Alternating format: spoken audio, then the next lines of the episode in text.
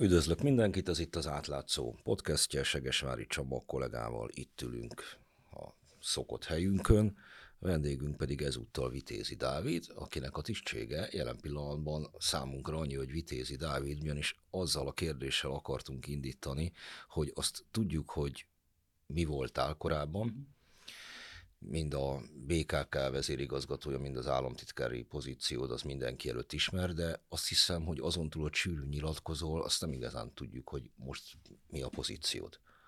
Köszönöm a meghívást, sziasztok! Én most alapvetően közlekedési szakértőként dolgozom, hogyha úgy tetszik, kizárólag külföldön jelenleg.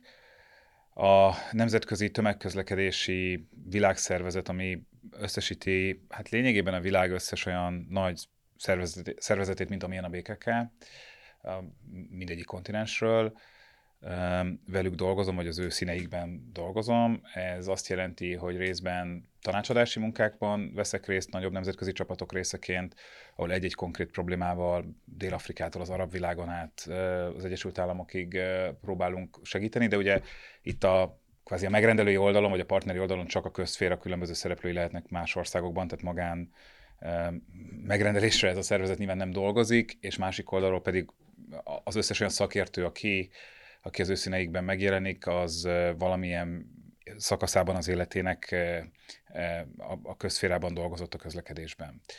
Emellett ugyanebben a keretrendszerben tanítok és képzéseket vezetek.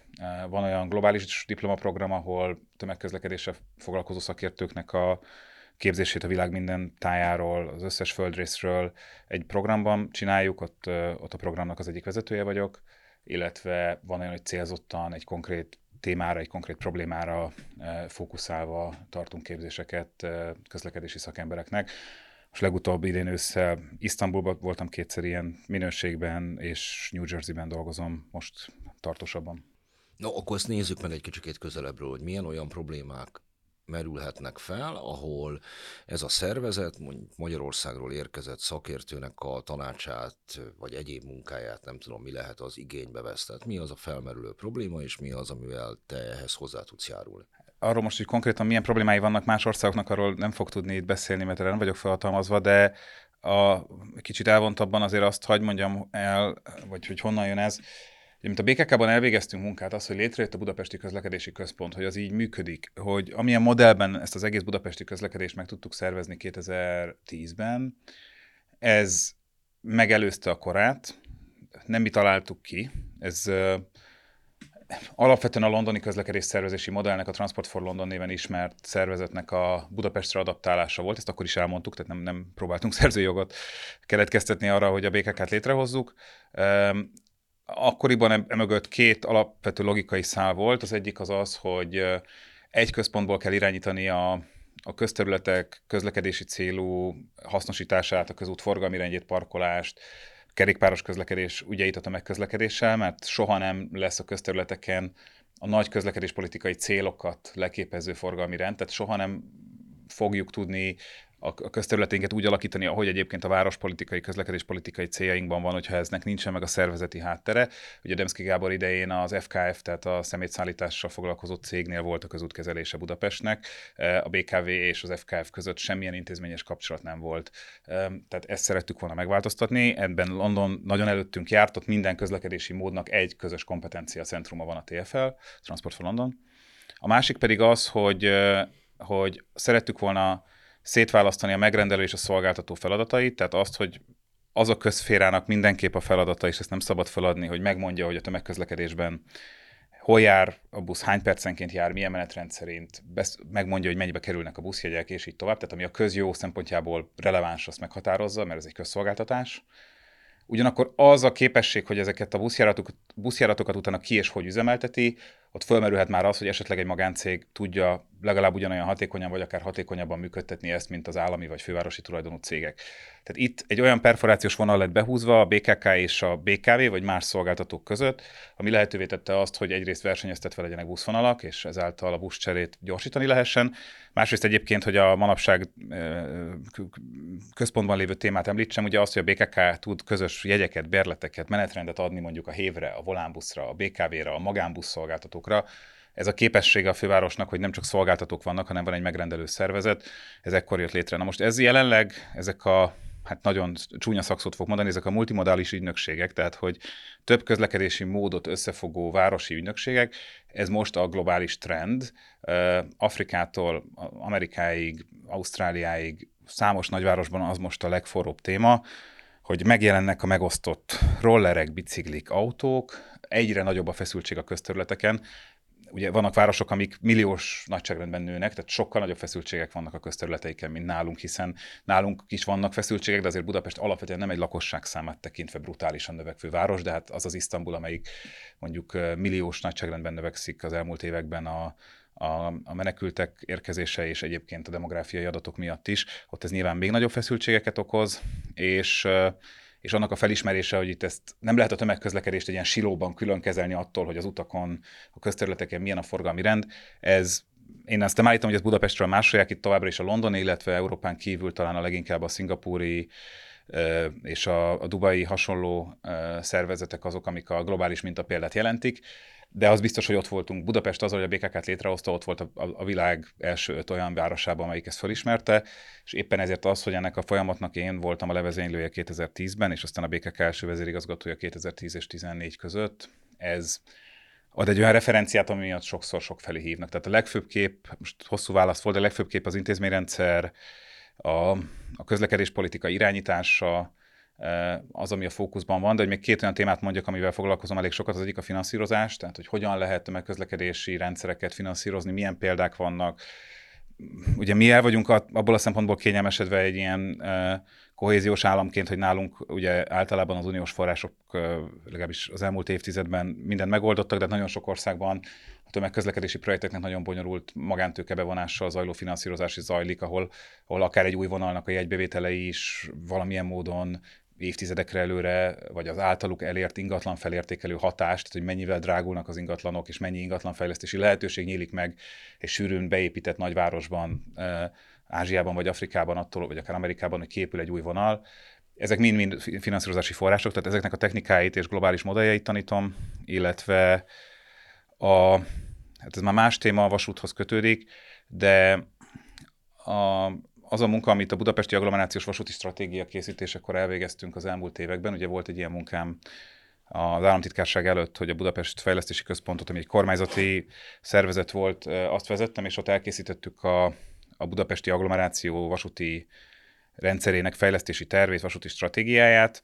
Budapest az Európa egyik legbonyolultabb vasúti csomópontja, 11 vasútvonal fut itt össze, három transeurópai koridor keresztezi Budapestnél a Dunát. Tehát ez egy elég összetett csomópont, ahol lényegében strukturális értelemben több mint száz éve nem történt semmi. Kisebb-nagyobb beruházások voltak, de strukturálisan pont úgy működünk, mint az első világháború előtt. És és az a munka, hogy hogy lehet ehhez 21. századi módon hozzányúlni, ebben az Európai Bizottság különböző tanácsadó szervezeteivel és a teljes magyar vasúti szakma összes szakemberével, illetve svájci és brit szakembereket bevonva végeztünk el egy munkát. Ez, ez, ezt elfogadta a magyar kormány is, elfogadta az Európai Bizottság is, és ez feltéve, hogy nem állítják le az összes beruházást, mint ahogy most ez éppen van. Ez, a, ez adja az alapját akár 20 évre előre a beruházásoknak, és ez azért egy nagyon nagy dolog, mert az EU azt elfogadta, hogy ez egy olyan mélységű és olyan megalapozottságú stratégia, hogy az egyes beruházásokat már nem kell külön igazolni, hogy a megtérülésük, az indokoltságuk megvan-e, ami ebből a stratégiából következik, az kaphat uniós pénzt automatikusan. Most az a metódus, ahogy ezt elvégeztük, az, az nyilván szintén semmi új nem volt benne a tekintetben, hogy Svájcban, Ausztriában régóta, Németországban egyébként mostanában is ezt a metódust kezdik használni, ami valójában a, megfordítja azt a fajta ilyen hagyományos mérnöki logikát, hogy hogy infrastruktúrát tervezünk, és aztán megpróbáljuk abból kihozni a legjobb szolgáltatást, hanem azt a fordított logikát követi, hogy előbb próbáljuk meg azt a lehető legjobban megközelíteni a rendelkezésünkre álló tudással, eszközökkel, hogy mi az ideális menetrend, hogy, hogy milyen szolgáltatást akarunk itt adni, és abból próbáljuk meg levezetni, hogy milyen infrastruktúra kell. Ugyanis nagyon sokszor az a helyzet, hogy az, hogy kell egy külön szintű műtárgy, mondjuk, tehát hogy két vasútvonal, vagy két vágánynak, ami egymást keresztezi színbe, vagy külön szinten kell egymást kereszteznie, hogy végig két vágány kell az egy helyet, vagy csak elég szakaszosan két vágány, azt az dönti el, hogy ott pontosan milyen menetrend lesz. És nagyon sokszor vagy alul, vagy túlépítjük magunkat infrastruktúrában, mert nem a menetrendből, nem az elérendő szolgáltatási szintből vezetjük le az infrastruktúrát, hanem azt mondjuk, hogy hát itt most egy vágány van, az kevés, akkor építsünk végig másodikat, mert az a tuti. Tehát egy nagyon kevéssé érzékeny módon nyúlunk az infrastruktúrához. Talán így tudom ezt leírni. Ez egy módszertan. Na, de más felett nem lehet. De, de végül is lehet, tehát azt lehet, hogy szakaszosan kettő, szakaszosan egy. Jó, és ahol találkoznak a vonatok, ott van kettő. Ugye ez az viszont azt jelenti, hogy egy nagyon profi munkát kell elvégezni, mert hogyha ez elkészül, beindul a menetrend, és kiderül, hogy valami el lett számolva, és másról kell a két vonatnak találkozni, akkor az egész összeomlik. Tehát, hogy ez egy nagyon át, és nyilván nem is lehet ezt, hogy mondjam, nem lehet pont oda behúzni a vonalat, hogy egy pici rugalmasság se legyen benne, de azért mondjuk egy 100 kilométeres szakaszon az, hogy végig két vágány van, vagy, vagy kettő helyett négy vágány van, vagy néhány helyen csak három, azért ez, ez, ez milliárdok tudnak ezen múlni. Nem véletlenül Svájcban, Ausztriában kezdődött ez el, ahol a legdrágább építkezni a, a, a, a földrajzi viszonyok miatt. Na most ezt a metód, metódust, ahogy ezt Budapesten elvégeztük, ennek híre ment, ez a legutóbbi ilyen, e, ilyen nagy beavatkozás volt. Mondom, csinálnak azért német nyelvterületen ilyeneket, de ilyen szempontból az a munka, amit elvégeztünk, annak lehet nemzetközi híre, és most az Egyesült Államokban pont egy ilyen kurzust vittem végig, ami ennek a, ennek a technikáit mondta el az Egyesült Államokban most óriási pénzek ömlenek, milliárdos nagyságrendben ömlenek a dollárok a, a vasútfejlesztésre, a Biden-féle e, inflációcsökkentési törvénynek hívott ilyen nagy klímavédelmi akciótervből és törvényből. Olyan vasútfejlesztéseket tudnak elindítani, amiket évtizedek óta nem, és most ott is elkezdett az fontossá válni, hogy akkor mégis mit akarunk elérni, mit, hol, hol kell plusz vágány, hol nem, és ilyenkor nagyon hamar eljutott a dolog, hogy hogy egy ilyen, hogy mondjam, hagyományos mérnöki szemléletben az a mondás, hogy hát mindenhova, akkor kiderül, hogy arra nincs pénz, és akkor el kell, el kell azon kezdeni gondolkodni, hogy, hogy valójában hol van annak a legnagyobb haszna, hogy egy nagyobb infrastruktúra beruházás történjen. Tehát ebből a szempontból az a, az a tapasztalat, ami földgyűlt, földgyűlt Budapesten, ez hasznosnak bizonyult. Elébe vágtál két kérdésnek is, nevezetesen annak, hogy mi szükség is volt létrehozni a BKK-t, illetve a magán és a közféra találkozásában, hogy feltétlenül a, a közlekedés, meg a közlekedés szervezés, meg a, a szolgáltatás az csupán állami szerepvállalással valósulhat meg, de ezeket a kérdéseket most ne nyissuk meg, hanem majd visszatérünk rá, hanem Jó. ugyanis a, belecsaptunk a kötött pályás közlekedésbe, illetve az, hogy abban, hogy Budapesten volt-e, mikor volt utoljára a vasútfejlesztés, a vasúti csomópont átgondolása, az mikor történt meg. Tehát akkor kezdjünk bele abba, hogy mi is van jelen pillanatban a magyar vasúttal, nem csak Budapestről, hanem általában, hiszen államtitkárként nem csak Budapest volt a feladatod. Csaba. Ugye itt fölvázoltad azt, hogy a, nem mindenhova kell kettő vágány, és ez egy nagyon érdekes gondolat, viszont a, hogyha a 13-20-as uniós időszakot vizsgáljuk, illetve az abba az ikobba elköltött vasúti költéseket, ami kb. 800 milliárd forintot könnyen össze lehet számolni, akkor viszont a, nem ez a fajta szemlélet érvényesül. Tehát, hogyha elővennénk a jelenleg elkészült, vagy éppen befejezés alatt álló vasútvonalakat, akkor nem, én nem értem azt, hogy a szolgáltatás lett volna elsősorban a cél, sokkal inkább az olyan infrastruktúrás fejlesztés, ami mondjuk mindent elbír. És itt nem csak például a Budapest háza vonalra gondolok, de ott van a, a Belgrád-Budapest nevezetű vasútvonal, ami egyszer majd valamilyen formában elkészül, végig két vágánya mindenféle, mindenféle végiggondolás nélkül, illetve számos olyan példát tudnánk hozni, ami nem éppen egy sikertörténet. Hogy lehet ezt át, átformálni, vagy át lehetette volna ezt formálni arra, hogy a meglévő forrásokat hatékonyabban használjuk fel, illetve akkor az egyik kedvencem a 80 a vonal, amit te adtál át, hogy, Itt ezt akartam mondani, igen. hogy, hogy azok a források, azok valami jól, jól hasznosultak-e, megfelelően. Hogy kezdjem az első kérdésettől.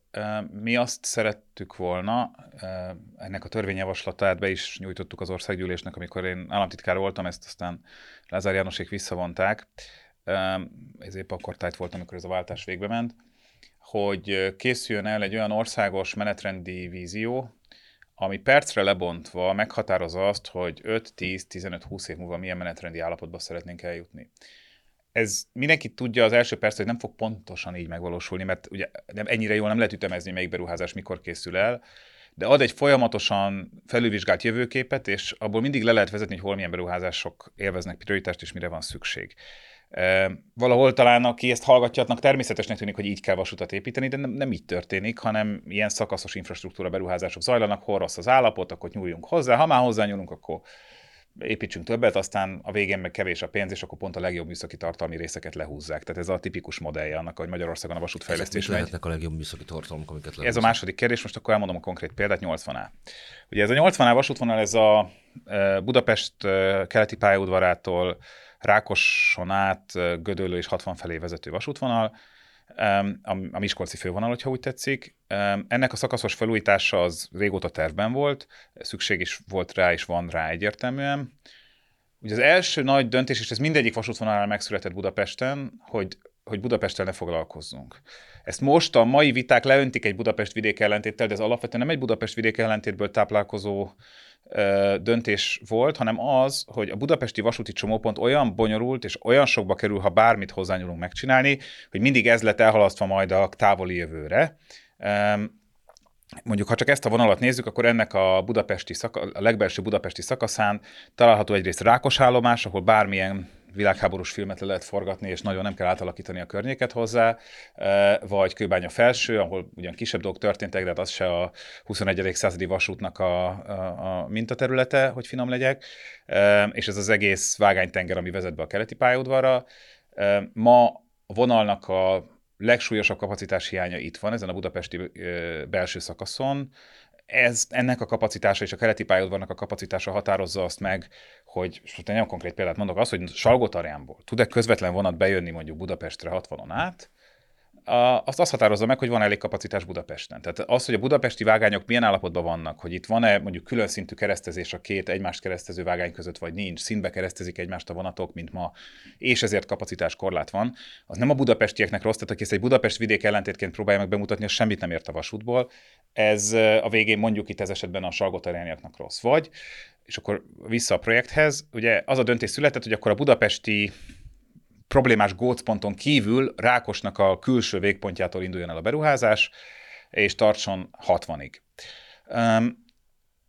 Ez ugye el is készült, ennek az átadása, akkor e, ugye én, az, én, én, én nyertem meg azt a feladatot, de örömmel tettem, hogy ezt átadjuk.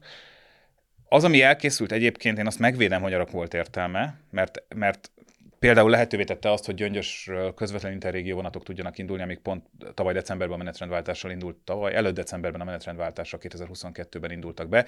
Az a többlet kapacitás, amit a megújított pálya lehetővé tett, az kinyitotta a lehetőségét, hogy fél óránként legyenek váltott interrégió vonatok, óránként Egerbe, óránként Gyöngyösre, ezek azóta sikeresek is. Elmaradt a volánbusz hálózat hozzáigazítása, azt mi szerettük volna, de azt végül nem csinálták meg, de most ez részletkérdés abból a szempontból, hogy valójában egy plusz kapacitás elkészült. De az a tervmenetrend, amit el szeretett volna a szakma érni, és ami szerintem ideális lett volna, ami lehetővé tette volna, hogy a legsűrűbb elővárosi környezetben, a 17. kerületben, Rákos Csaba térségében, illetve Pécel és végig Gödöllő térségében sűrűbben tudjanak járni az elővárosi vonatok, a, ahhoz kellett volna egy harmadik vágány Rákos és Rákos-liget között. Tehát még mindig nem a budapesti belső csomópont rét dolgait érintjük, de ennek a külső szakasznak a még Budapesten belülre első szakaszán kellett volna egy harmadik vágány ahhoz, hogy ott sűrűben tudjanak az elővárosi vonatok jönni, mert azok ugye megállnak mindenhol, utoléri őket az Intercity Miskolcról, vagy a gyorsvonat, vagy Interrégió mai nevén Gyöngyösről, vagy Egerből. Ha az nem tudja leelőzni, akkor nem tudnak sűrűben járni az elővárosi vonatok, ezért kellett volna ott a harmadik vágány. Megjöttek a kivitelező járajánlatok, ez valamikor 2010 5 körül, tehát ez nagyon rég volt. Megjöttek a kivitelező járajánlatok, ez túl drága volt, a, valaki a kormányzatba képen, akkor ezt eldöntötte, kiadta, hogy már pedig több pénz nincs, és akkor milyen műszaki tartalmat lehet kihúzni? Hát a meglévő két vágány felújítását nyilván nem, akkor a harmadik vágányt kihúzták. Tehát elköltöttünk sok milliárd forintot, és pont az a a hasznok szempontjából egyik legfontosabb elem, ami mondjuk egy menetrend alapú infrastruktúra tervezésnél, ha azt végig is csináljuk, annak meg kellett volna valósulnia, az nem lett meg. Mi az, a, ne haragudj, mi az, ami sok milliárd forintba kerül, bármennyire is laikusnak tűnik ez a kérdés egy vágányfelújításnál. A vas, a talpfa, a körülötte lévő földrendezés, mi az, amit egyszeri halandónak el tudsz mondani, hogy ez ilyen pokoli drága, egy méteres vagy kilométeres szakasz? Ugye egyrésztről, ahol sebességemelés történik, már pedig itt történt, egyes szakaszokon, bár nem járnak a vonatok mind a mai napig a digitális biztosító berendezések hiánya miatt 160 itt, de de elvileg egyszer kell nekik majd. 120-as. Ezért az, a geometriája a pályának módosul, tehát az történik, hogy a pálya elmozdul a mai helyéről, és más íveken veszi be a, a, a kanyart, hogy ne, ne, ne túl vasúti szaknyelven fogalmazzak. Eh, ez azt jelenti, hogy lényegében zöldmezősen épül ki a pálya számos szakaszon, ehhez kísérletításokra van szükség, eh, jelent, teljes, teljesen ugyanan kell a vasúti alépítményt és aztán a felépítményt is létrehozni, és ahol pedig nem is ez a helyzet, hanem a meglévő vasúti pályának a felújítása van az, hogyha egy ilyen uniós nagy projektről beszélünk, akkor lényegében minden újjáépül nulláról, tehát a teljes alépítmény és felépítmény alig különbözik, sőt, semmiben nem különbözik attól valójában, mint hogyha ezt nulláról, nulláról építenénk újra. Ráadásul az engedélyezési környezetben nagyon sok szereplő, nagyon sok minden kiegészítő dolgot bekér és bekíván. Most én nem is tudom fejből megmondani, hogy hány, de rengeteg közúti felüljáró, külön szintű átjáró. Ezek egyébként nem, tehát ezek társadalmilag hasznos dolgok, mert az, hogy nem a sorompónál állnak az emberek mondjuk Rákos Csabán vagy Rákos ligetnél, hanem, hanem van külön szintű átjáró, ez nyilván segíti ott az autósok életét, meg még a buszjárattal közlekedők életét is, de emiatt rengeteg járulékos műtárgy kerül oda, és végül, de nem utolsó sorban, ami nagyon fontos, hogy ezeknek a beruházásoknak egy óriásira nőtt eleme a digitalizációs rész, ami ugye arról szól, hogy ezeken a transzeurópai fővonalakon az Európai Unió kötelezően előírja azt, hogy a, hogy egyrészt, hát azt nem kötelezően írja elő, de Magyarország ezt így alkalmaz, hogy digitális biztosító berendezés kell, tehát teljesen számítógép vezérelt biztosító berendezés, de ennek a, tehát igen, az biztos, hogy digitális rendszer kell, hogy annak mi a pontos technikája, abban mondjuk eltér néhány európai tagállam gyakorlata, mi a, mi a maximalisták vagyunk ebből a szempontból, inkább így mondanám. És aztán erre kell egy európai vonatbefolyásoló rendszert telepíteni, ami azt jelenti, hogy lényegében a, a vonat vezetését egy digitális rendszer felügyeli, tehát a vonatvezető felelőssége csökken, a biztonság nő, és hogyha bármilyen akadály van a pályán, akkor az automatikus rendszer is be tud avatkozni, és tudja a vonatok sebességét azt szerint módosítani, ahogy ez szükséges, sőt, akár a köztük lévő követési távolságot is annak megfelelően tudja kialakítani, hogy a vonatok haladnak, és nem ilyen fix térközös rendszer van, mint régen, ahol ugye az egyik állomásról át kell telefonálni, még nagyon régen a másikra, hogy szabad-e a pálya. Na most a, ezek a rendszerek, ezek egy, hát legalábbis oligopol piacot képeznek azok az európai szállítók, akik erre képesek, ennek, ezeknek az ára jelentősen Én felment. felhajtják az árat, nem, nem igazán lehet alá menni. Mert ez egyébként, sem, hogyha, hogyha ha egyébként informatikailag ez lehetséges lenne. Európában ezt két-három szereplő csinálja. A nagy európai vasutak, voltam ilyen konferencián egyszer, ahol nem követem napi szinten, hogy ez hogy áll, de, de az európai vasutak azt keresik, hogy hogy tudnak a mai technológiai szinten oda eljutni legalább, hogy valami olyan standardeket elérjenek, ahol, ahol ha nem is ők telepítik ezeket a rendszereket, mert az, az távoli, de legalább amikor módosítani kell valamit, akkor azt maguk meg tudják tenni. Tehát most az az abszurd helyzet van, hogy egy példát mondjak, hogy egymás után újult meg két vasútvonal Dél-Budán, az egyik a 30-as, ami a Budapest Székesfehérvár, a másik a 40-es, ami a Budapest Pusztaszabolcs, és az egyiken nagy nehezen sok-sok-sok év késéssel elkészültek ezek a digitális rendszerek ért térségében, és aztán az átadás után pár nappal le kellett őket kapcsolni, mert addigra megérkezett a 40-es vonal felújításának is az, a kivitelezése abban a szakaszban, hogy a vonalakat össze kellett kötni, és a korábbi a 30-asra rengeteg uniós pénzből letelepített rendszert el kellett kezdeni módosítani, mert az a vágánykép, ami régen ott volt, az módosult, hiszen közben egy másik beruházás is odaért. És ilyenkor a módosítás is elég sok pénzbe kerül, akár 100 milliókba is. Tehát uh, itt nem is csak az a probléma, hogy a telepítésnél ezek a cégek, uh, uh, ugye itt alapvetően a Siemens és a, a, Siemens és a Thales ennek a két uh, vezérszereplője ma az európai piacon és így Magyarországon is, de vannak kisebbek is, akik jelen vannak. Van egy cseh cég, amelyik most a, a Szeged Röszkénél fog először talán Magyarországon ilyet telepíteni.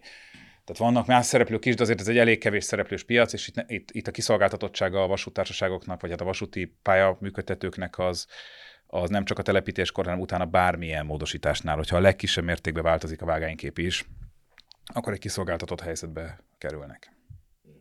És ez nagyon rátesz ezekre a beruházásokra. Most gazdaság más területéről egy kicsit szöget más területéről jutottak eszembe a példák, mint szöget ütött a fejembe az, hogy abban az esetben, amennyiben hozzákezd az állam egy vágányfelújításhoz bármilyen területen, abban az esetben, és egyébként még terve lenne az, hogy építsem elé egy másik vágányt, abban az esetben jönnek mindenféle társ hatóságok, amelyek előállnak a saját maguk igényével. Igen. Például közlekedés biztonsági szempontból egy felüljárót kell építeni, nem jó az, hogyha mondjuk ott a sarompónál átcsorognak a, az autók, vagy a gyalogosok, vagy stb. Ebben a hatósági összefüggésben ez azt jelenti, hogy sok más területhez hasonlóan nem lehet priorizálni. Azt mondom, hogy értem azt, hogy oda felüljáró kéne, de jelen pillanatban az elkövetkezendő tíz év szempontjából fontosabb lenne, hogy ott legyen még egy vágány, a felüljárót meg majd 15 év múlva megépítjük. Általánosságban az igaz minden ilyen témára, ez nem csak a mávra, de a közlekedés más ágazataira is nagyjából igaz, hogy a szabványok, az előírások, hogy mit hogyan kellene csinálni, azok a technológia fejlődésével, a biztonság tudatosság növekedésével, a klímatudatosság fejlődésével, a környezetvédelmi szemlélettel folyamatosan javulnak és változnak. De mivel az üzemeltetés, a működtetés kultúrája az gyenge, általában a, a, a legkülönbözőbb közlekedési infrastruktúra, vagy akár jármű működtetők, üzemeltetők büdzséje az arra terjed ki, hogy életbe tartsák azt, ami régen van. Tehát olyan Magyarországon nagyon ritkán történik, hogy van egy új szabvány, és azt elkezdjük a meglévőre kislépésekbe alkalmazni, hanem amikor valakinek valami fontos, és jön egy nagy beruházás, akár egy uniós nagy beruházás, ami az üzemeltető szempontjából nézve sokszor a kormánynak fontos, vagy a helyi választókerületi elnöknek, képviselőnek fontos, persze ezek általában azért nem ilyen egyszerűen képződnek le. Sokszor pont a MÁV-ból jött az igény, hogy legyen ilyen beruházás, de hát az egy másik osztály, nem is tudják akkor hirtelen minden szereplő, és egyébként ez Volt érthető. Olyan eset, amikor szembesültél azzal, hogy ez a választókerületi elnöknek fontos? Persze, sokszor. Tehát azért a, a Budapesten ez sokkal kevésbé működik, de, de vidéken az egyéniben megválasztott országgyűlési képviselők a legapróbb részletekig hogy mondjam, képviselik a saját választókerületeknek az ügyes-bajos dolgait, és minden egyes felüljáróért, minden egyes vasúti váróért megküzdenek. Inkább a kivétel az, aki nem. Ez Budapesten nagyon más, mint nyilván ez egy nagyváros, teljesen más, hogy működik ilyen szempontból a politikai képviselet. Sokkal inkább az önkormányzati szereplők végzik ezt a munkát, nem a mindenkori kép, országgyűlési képviselők, de vidéken, és még ebbe beleértem budapesti agglomerációt is, ott, ott az önkormányzatoktól, akik azért általában kisebbek, most egy-két nagy megyei város leszámítva, ezeknek a típusú igényeknek a képviselete az, az mindenkori országgyűlési képviselőkre hárul, és ők ezt általában is végzik ezt a munkát. Tehát ezért egy vasúti beruházásnál abban én biztos vagyok, hogy minden esetben az országgyűlési képviselők megfogalmazzák a többletigényeiket. Gellert kap mondjuk a, a vasúti felújítás észszerűsége egy választókerületi kényelem logikáján, hogy például oda épül egy magasabb komfortfokozatú állomás, ahova nem kéne? A Gellert kapra szerencsére nincs sok példám, inkább olyan történik, hogy drágul, mert többletigények jelennek meg. Egyébként egészen transzparensen látható ez mondjuk a Budapest-Belgrádnál, ott a kormány nyilvános határozatban döntött arról, hogy a, az érintett országgyűlési képviselők megfogalmaztak jelentős többletigényeket, plusz plusz külön szintű átjárókat, plusz zajvédőfalakat, plusz gyalogos aluljárókat, plusz P plusz parkolókat, amik kimaradtak, és a kormány ezeket végül elfogadta, és erről kijött egy többlet forráslista, és azok ott, ott valójában az történt, hogy az eredeti tervezésnél ez kimaradt, és mire a helyiek eszméltek, addigra már a MÁV nyilván azt mondta, hogy későn van, és akkor az országgyűlési képviselők belendültek, és megpróbálták ezt egyébként nagy rész sikerrel. Nyilván van, ami, ami, amit szerettek volna, hogy benne legyen a listában, de nincs benne, de nagy rész sikerrel eh, kiharcolni. Visszatérve még az előzőhöz, mert azt a gondolatot még befejezném, hogy tehát nagyon sokszor az történik, hogy vannak szabványaink, amiket 20 éve nem alkalmazunk, vagy 30 éve nem alkalmazunk egy vasútvonalon, mert nem volt azóta átépítve. Tehát amikor valaki nagy beruházásba kezd egy vasútvonalon, ez ugye jellemzően a Nemzeti Infrastruktúra Fejlesztő volt egészen addig, amíg Lázár János be nem zárta, most ő maga a saját minisztériuma látja el, több vagy kevesebb sikerrel ezeket a feladatokat akkor ugye az történik, hogy a hatóságok, és ebben nincs is nagyon sok mozgásterük, azt mondják, hogy na hát akkor itt az idő, mindent alka- minden szabályt alkalmazni kell. És például hogy a legdrágább dolgot mondjam, amitől az összes ilyen vasúti beruházás megdrágul, és nehéz azt mondani, hogy nincs jogos ö, szempont ebben, az az, hogy a jogszabályok előírják, hogy egy engedélyköteles átépítésnél akadálymentesíteni kell.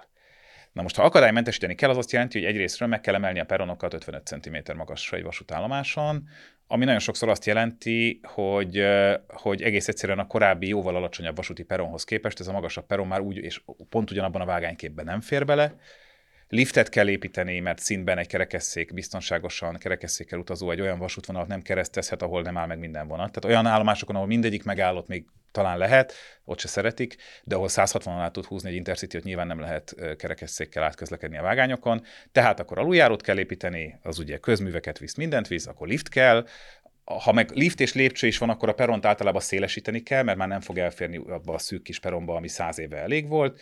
Akkor a vágányokat el kell kezdeni széthúzni, az meg aztán mindent visz magával, a teljes váltókörzetet, a, a teljes geometriát az állomásnak, és ott tartunk, hogy lényegében újra kell építeni. Így van az, hogy mondjuk egy székesfehérvári állomás újjáépítése 8 évvel ezelőtti áron 40 milliárd forintba, vagy egy vácállomás újjáépítése 8-10 évvel ezelőtti áron ilyen 30-40 milliárd forintba kerül. Az ebből jön, hogy ha, ha ha, de, de hogy nem, nem, lehet azt mondani, hogy egyébként nem egy indokolt igény, hogy egy babakocsival, gurulós bőröndel, és végképp, ha valaki mozgásában korlátozott, akkor akadálymentesen el tudja érni. Ez egyébként akadálymentes vonatokat mondjuk ezeken a helyszíneken, mert Fehérváron vagy Vácon már nagyrészt korszerű akadálymentes motorvonatok járnak.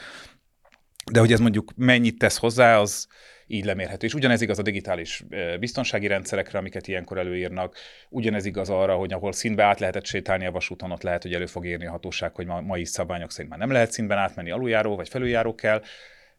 De környezetvédelemben ugyanez, tehát nyilván azok a fajta környezetvédelmi előírások, amikkel én egyébként egyetértek, nagyon sokszor óriási elemeket tudnak behozni. Tehát én láttam olyan nagy beruházást, ahol lényegében egy olyan élőhelyvédelmi programot írt elő a környezetvédelmi hatóság egy, egy nem lakott területen történő egyszerű pályafelújítás miatt az ott élő valamilyen madaraknak, a, már nem fogom tudni felidézni, milyen madaraknak az élőhelyének a megvédésére, ami a végére egy sok millió forintos élőhelyrekonstrukció volt, amire nyilván mindenki azt mondta így a folyosón, hogy hát ezt a Nemzeti Park mióta akarta már megcsinálni, és most végre itt volt valaki, akire rá lehetett húzni de hát ilyenkor a vasúti beruházásnak ezeket általában be kell nyelni. Egyébként, hogyha visszakanyarodunk oda, hogy megfelelően vagy megfelelő hatékonysággal használtuk-e fel az uniós forrásokat eddig, arra mit lehet mondani? Ugye itt beszélünk egyszer arról, hogy milyen sebességgel közlekednek a vonatok. Tehát ugye az, hogy a MÁV trakciónak vagy a MÁV startnak nincs olyan szerelvénye, ami ki tudná használni a lehető legnagyobb sebességet, az egy dolog. De hogy pályákat se építünk korszerű magas sebességre, annak mi az oka? Egyrésztről nyilván nagyon sok kritikám van a mával kapcsolatban, de azért annyiban hadd vegyem védelmébe az elmúlt 10 év fejlesztés politikáját, vagy 15 évét, hogy azért ha, ha most kimennél valamelyik nagy pályaudvarra, és hirtelen a 2010 előtti, vagy 10, 2006 előtti állapotokat látnád, azért az brutálisan másképp néz neki. Tehát mondjuk a budapesti elővárosban több mint 120 korszerű motorvonat érkezett, és ma már szinte ezek dominálják. Ez a, meg minden na, más, nagy részt, ezek nagy részt uniós pénzből. Nem kritizálná. Igen, igen, csak hagy, hagy ö, fejezem be gondolatomat, tehát hogy szerintem az uniós pénzből nagyon sok fontos és jó dolog történt. Ezek a motorvonatok abból érkeztek, a Székesfehérvári vasútvonal felújításról megduplázódott az utasszám, és a Balaton felé ma már egészen versenyképes vasúti menetidők vannak. Ennek köszönhető a dél-balatoni vasútvonal felújítása, ahol ott inkább nem az történt, hogy, hogy túl sok lett, amit beruháztak, hanem túl kevés. Tehát ahhoz képest, hogy a Balaton, ez nyilván ebben van egy Covid hatás, meg rengeteg minden, hogy már mennyire népszerű célpont a Balaton újra, és hogy ott mennyien akarnak vonattal menni, és nem az M7-esen sorbálni, ott tartunk, hogy a pár éve felújított balatoni vasútvonalon elfogyott a kapacitás, és lenne igény több vonatra, de már nem tud hova menni több, mert nincs pályakapacitás a felújított vonalon sem. Ott egyébként nincs végig két vágány, lehet, hogy ott meg pont az a helyzet, hogy kellett volna. Vagy az Esztergomi vasútvonalon is óriási siker lett a felújítás. Tehát azért az uniós pénzek szerintem sokszor jó helyekre mentek, és jó projekteket finanszíroztak. Nyilván lehet arról vitatkozni, hogy hogy, hogy ez elége. Az én kritikám így nagy közlekedéspolitikai szemmel, vagy nagy közlekedéspolitikai látószöggel nézve a, a témát az inkább az, hogy hogy Magyarország azt az ambíciót kitűzte célul, ez ugye a kormánynak egy, egy zászlóra tűzött célkitűzése volt, hogy hogy minden, minden megyeszékhelyet gyorsforgalmi úttal kétszer-két elérni. Ez lényegében Zalagerszeg kivételével teljesült is, és ott is tudjuk, hogy most éppen egy 400 milliárdos fejlesztés van napirenden, hogy, hogy az utolsó várost is elérje. Ezzel Ausztria gyorsforgalmi úthálózatát utolértük, sőt le is hagytuk, pedig egy ugyanakkora országról van szó, méretében és nagyjából lakosságában is. Ennek ellenére még mindig az megy, hogy hazai forrásból, tehát a magyar adófizetők befizetéseiből szinte kizárólag nagy közlekedésfejlesztésben autópályára és gyorsforgalmi útra költünk, csak az uniósból megy vasútra. Most a Budapest-Belgrád az egy kivétel, de, de azon túl ez a helyzet. Ezen szerintem változtatni kellene, e, és a meglévők karban kell tartani. Tehát nyilván nem kérdés az, hogy ne legyen kátyú, meg a meglévő egy és két személyi utak karbantartására jusson pénz, de új autópályákat építeni szerintem ott ki kéne mondani, hogy most egy ideig inkább vasutat fejlesztünk és vasutat építünk, ennek itt lenne most már bőven az ideje, és az elmúlt években is ez már igaz volt. A másik oldalról pedig uniós pénzből végképp csak vasutat kellene fejleszteni. Mert a helyzet az az, és akkor itt jutunk vissza az alapkérdésig, a helyzet az az, hogy azért a csehekhez vagy a lengyelekhez képest, és most akkor direkt nem Ausztriát mondom, mert ott, ott a lemaradásunk vasúton olyan mértékben nő, hogy az, de nem arról van szó, hogy nem érjük utol Ausztriát, ez föl sem merül vasúti szempontból. Főleg, hogy Bécsnél most építenek egy rövidítést, hogy mindenhol, tehát legyen. az összes osztrák tartományban megállás nélkül nagy vasúti beruházások épülnek, és, és vasúton az osztrákok több mint tízszer annyit költenek vasútfejlesztésre, mint mi. Tehát ott, ott, ott a lemaradásunk az, az drámai mértékben nő, és a legkevésbé sem csökken. A, de ha csak a csehekhez és a lengyelekhez mérjük magunkat, akkor is azt kell látni, hogy mondjuk a tavalyi évben a vasúti beruházások léptéke a nálunk azért nagyobb, de nem sokkal nagyobb Csehországban majdnem 20-szoros volt Magyarországhoz képest. Tehát a vasúti beruházások mögül lényegében elfogytak a források, ez nyilván az uniós források befagyasztása is hozzájárult, de ha most minden uniós forráshoz hozzá is férnénk hirtelen, akkor is, akkor is lemaradó pályán lennénk, hogyha csak uniós pénzt költenénk vasútra. Tehát szerintem a helyzet az, hogy Magyarországnak nyilván van egy-két olyan kulcságazata a vasút mellett is, egészségügy, oktatás, egyéb tere, téren, ahol, ahol egész egyszerűen azon a fejlettségi szintre elérünk a környező európai országokkal együtt, hogy, hogy kell, kell venni nagy levegőket, és azt mondani, hogy akkor itt egyszerűen színvonalat, beruházási szintet, ráfordítási szintet kell váltani. Na most a vasútnál ez a fajta nagy levegővétel szavakban már sokszor megtörtént, de a gyakorlatban abban, hogy ne 20-30 milliárd forintokat költsünk egy évben vasúti pályafejlesztésre, hanem annak mondjuk a tízszeresét. Hozzáteszem, az egy nagyon kicsi összeg. De most a tavalyi évben körülbelül ez történt a, ugye mert nem voltak uniós pénzek. Amikor vannak uniós pénzek, akkor elérjük talán ezt a 200 milliárdot egy évben, de mondjuk a cseheknél ez 500 fölött van, a, az osztrákoknál pedig bőven 1000 fölött. Jó, más is a GDP, de ha Na jó, de autópályában nem mondjuk, hogy más a GDP. Tehát az autópályaépítéseknél viszont, és akár csak ránézünk az autópálya koncesziós szerződésre, ami szintén több mint 30 évre előre rögzíti azt, hogy ilyen mennyiségű pénzt fogunk költeni autópályaépítésekre és fejlesztésekre, ott az osztrák szintet célozzuk meg a mai GDP-nk ellenére. Tehát a közlekedésen belül azért van egy nagyon komoly ellentmondás ebben. Valószínűleg egyébként ebben valamilyen szabadságvágy is benne van, Persze. nem véletlenül lett egy ilyen szimbólum a rendszerváltás követően az autópályafejlesztés de ezt most zárójelezzük is egy kicsit, mint azt mondtad, hogy kulcsfontosságú lenne a kötött pályás közlekedés és a vasúthál, ezen belül a vasúthálózat fejlesztése.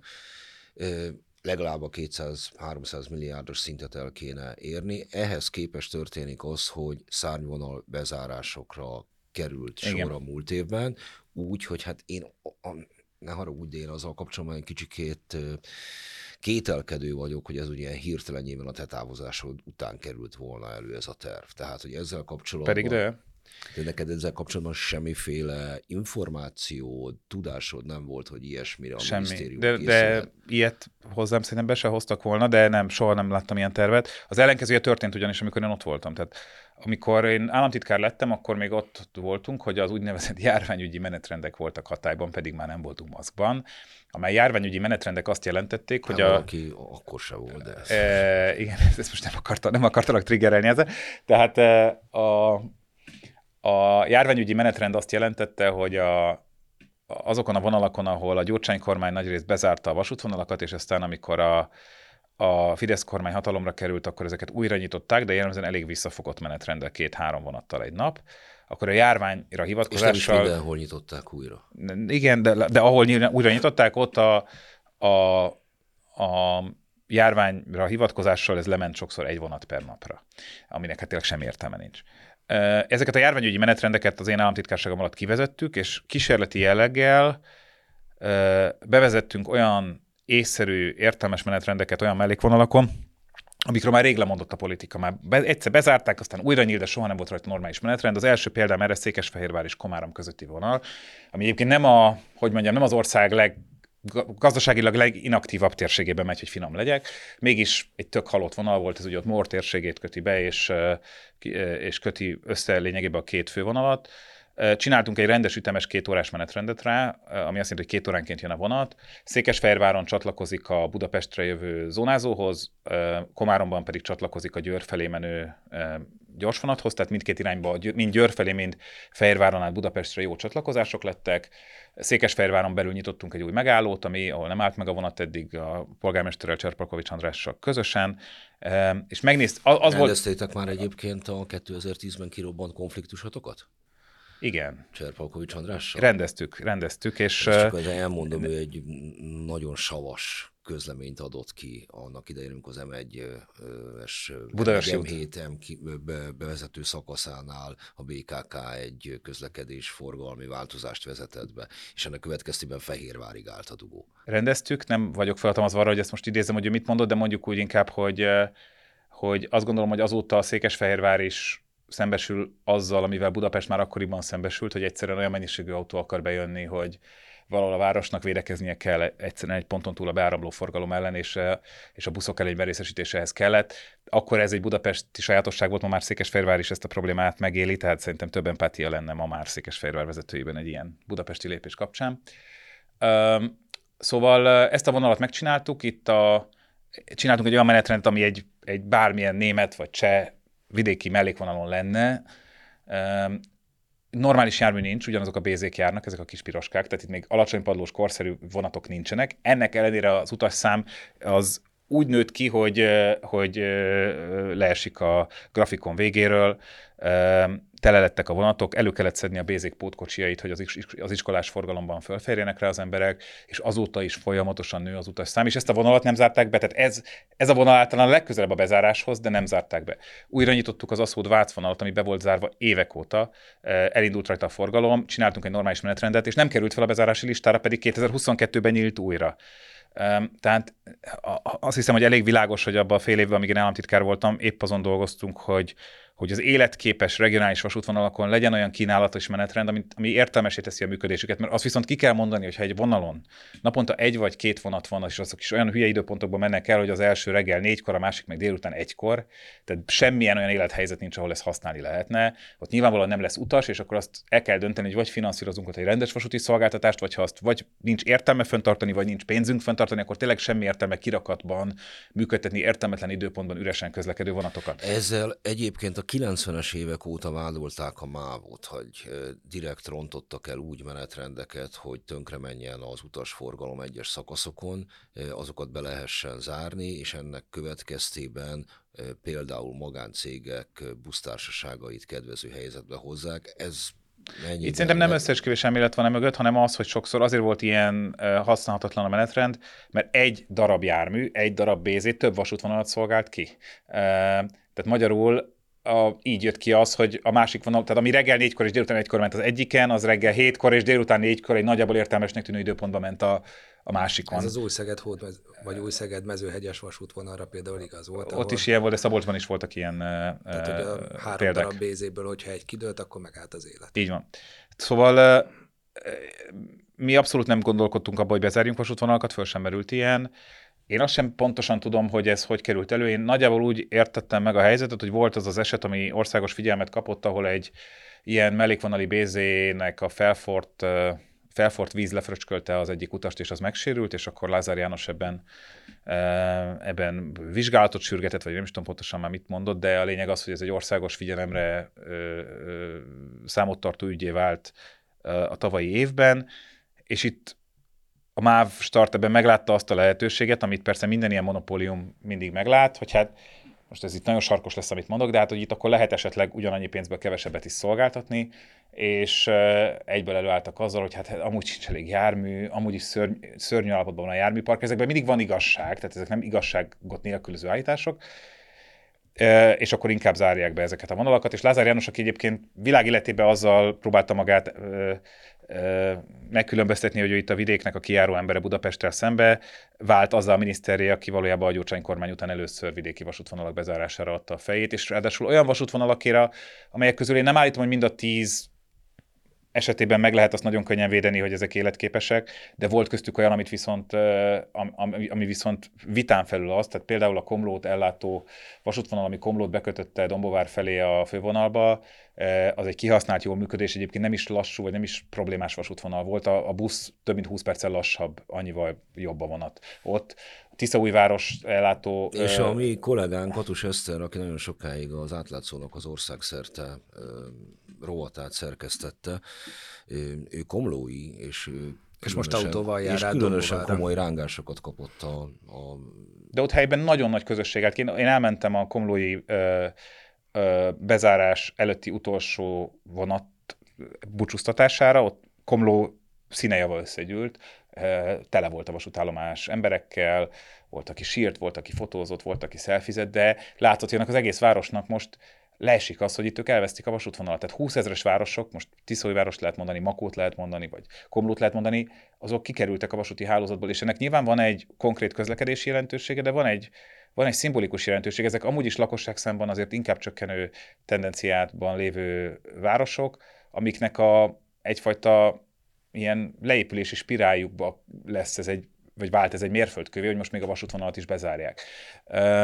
Tehát szerintem ezek hibás döntések. Egyébként... Koronán ráadásul 20 éven belül, vagy negyed századon belül a második nagyon komoly trauma, ami a város téri, de hogy miközben azt mondod, hogy Lázár János az egyetlen, vagy Gyurcsány Ferenc után a következő, aki vidéken zár be vasútvonalakat, és ennek következtében ezt ugyan ilyen módon nem mondtad ki, de én kimondom, egyes tájegységek elsorvasztásához jelentősen hozzájárul. a saját választókörzetébe is székhelyén Makón. Igen, csak most, hogy a Makón, de hogy a Hódmezővásárhely, Hódmezővásárhely a székhelye. Nem, Lázár Jánosnak Makó a székhelye. Nem csak bejelentett, hogy nem indul már az egyéni. Választókerületnek Hódmezővásárhely hát, a székhelye. Amióta a Márkizai Péter nyert. Igen, de Hódmezővásárhelyen ő átköltözött Makóra. A választó körzetnek Hódmezővásárhely a székhelye, és Igen. Hódmezővásárhelyen viszont történt egy ö, ö, olyan vasútfejlesztés, amely komoly vitákat vált ki, emögött teljes egészében Lázár János állt. Igen. Csaba ennek kevésbé ö, nagy híve, mint én. Ö, én szerelmes vagyok sok szempontból a tramtrénbe. Én is abszolút támogatom. Az egy jó beruházás. Na, szóval, hogy ez, ez, ez, ez viszont mennyiben? Számomra ez a legnagyobb ellentmondás a kérdésben. Én nem beszéltem Lázár Jánossal erről a kérdésről egyszer sem, sőt, hát mióta nem vagyok államtitkár azóta egyszer sem.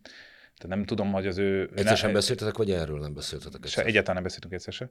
Um, Tehát nem szoktak ígérni a tanácsodat már közlekedésfejlesztésben. Benne van még a telefonodban a, a száma? Hát azt szerintem igen. Uh, ha nem változtatta meg. Um, tehát én azt nem pontosan értem, hogy, hogy hogy ezek a dolgok hogy állnak össze egy képpé, hiszen pont Lázár volt az, aki, aki ha már itt Makónál tartunk, a Makói vonal kapcsán megfogalmazta azt a célt, hogy oda is egy tramtrént kellene vinni, és a, az új szegedi, ugye a híd lebombázása miatt zsák állomássá vált, vagy zsákvonalá vált vonalat visszakötni, úgy, ahogy az háború előtt volt, visszakötni a szegedi nagyállomásba. És akkor egyébként én, én nem is vagyok biztos, hogy akkor tramtrain kéne oda, és nem a szegedi intercity kéne akár tovább vezetni Makóra, ez már egy közlekedéspolitikai alkérdés.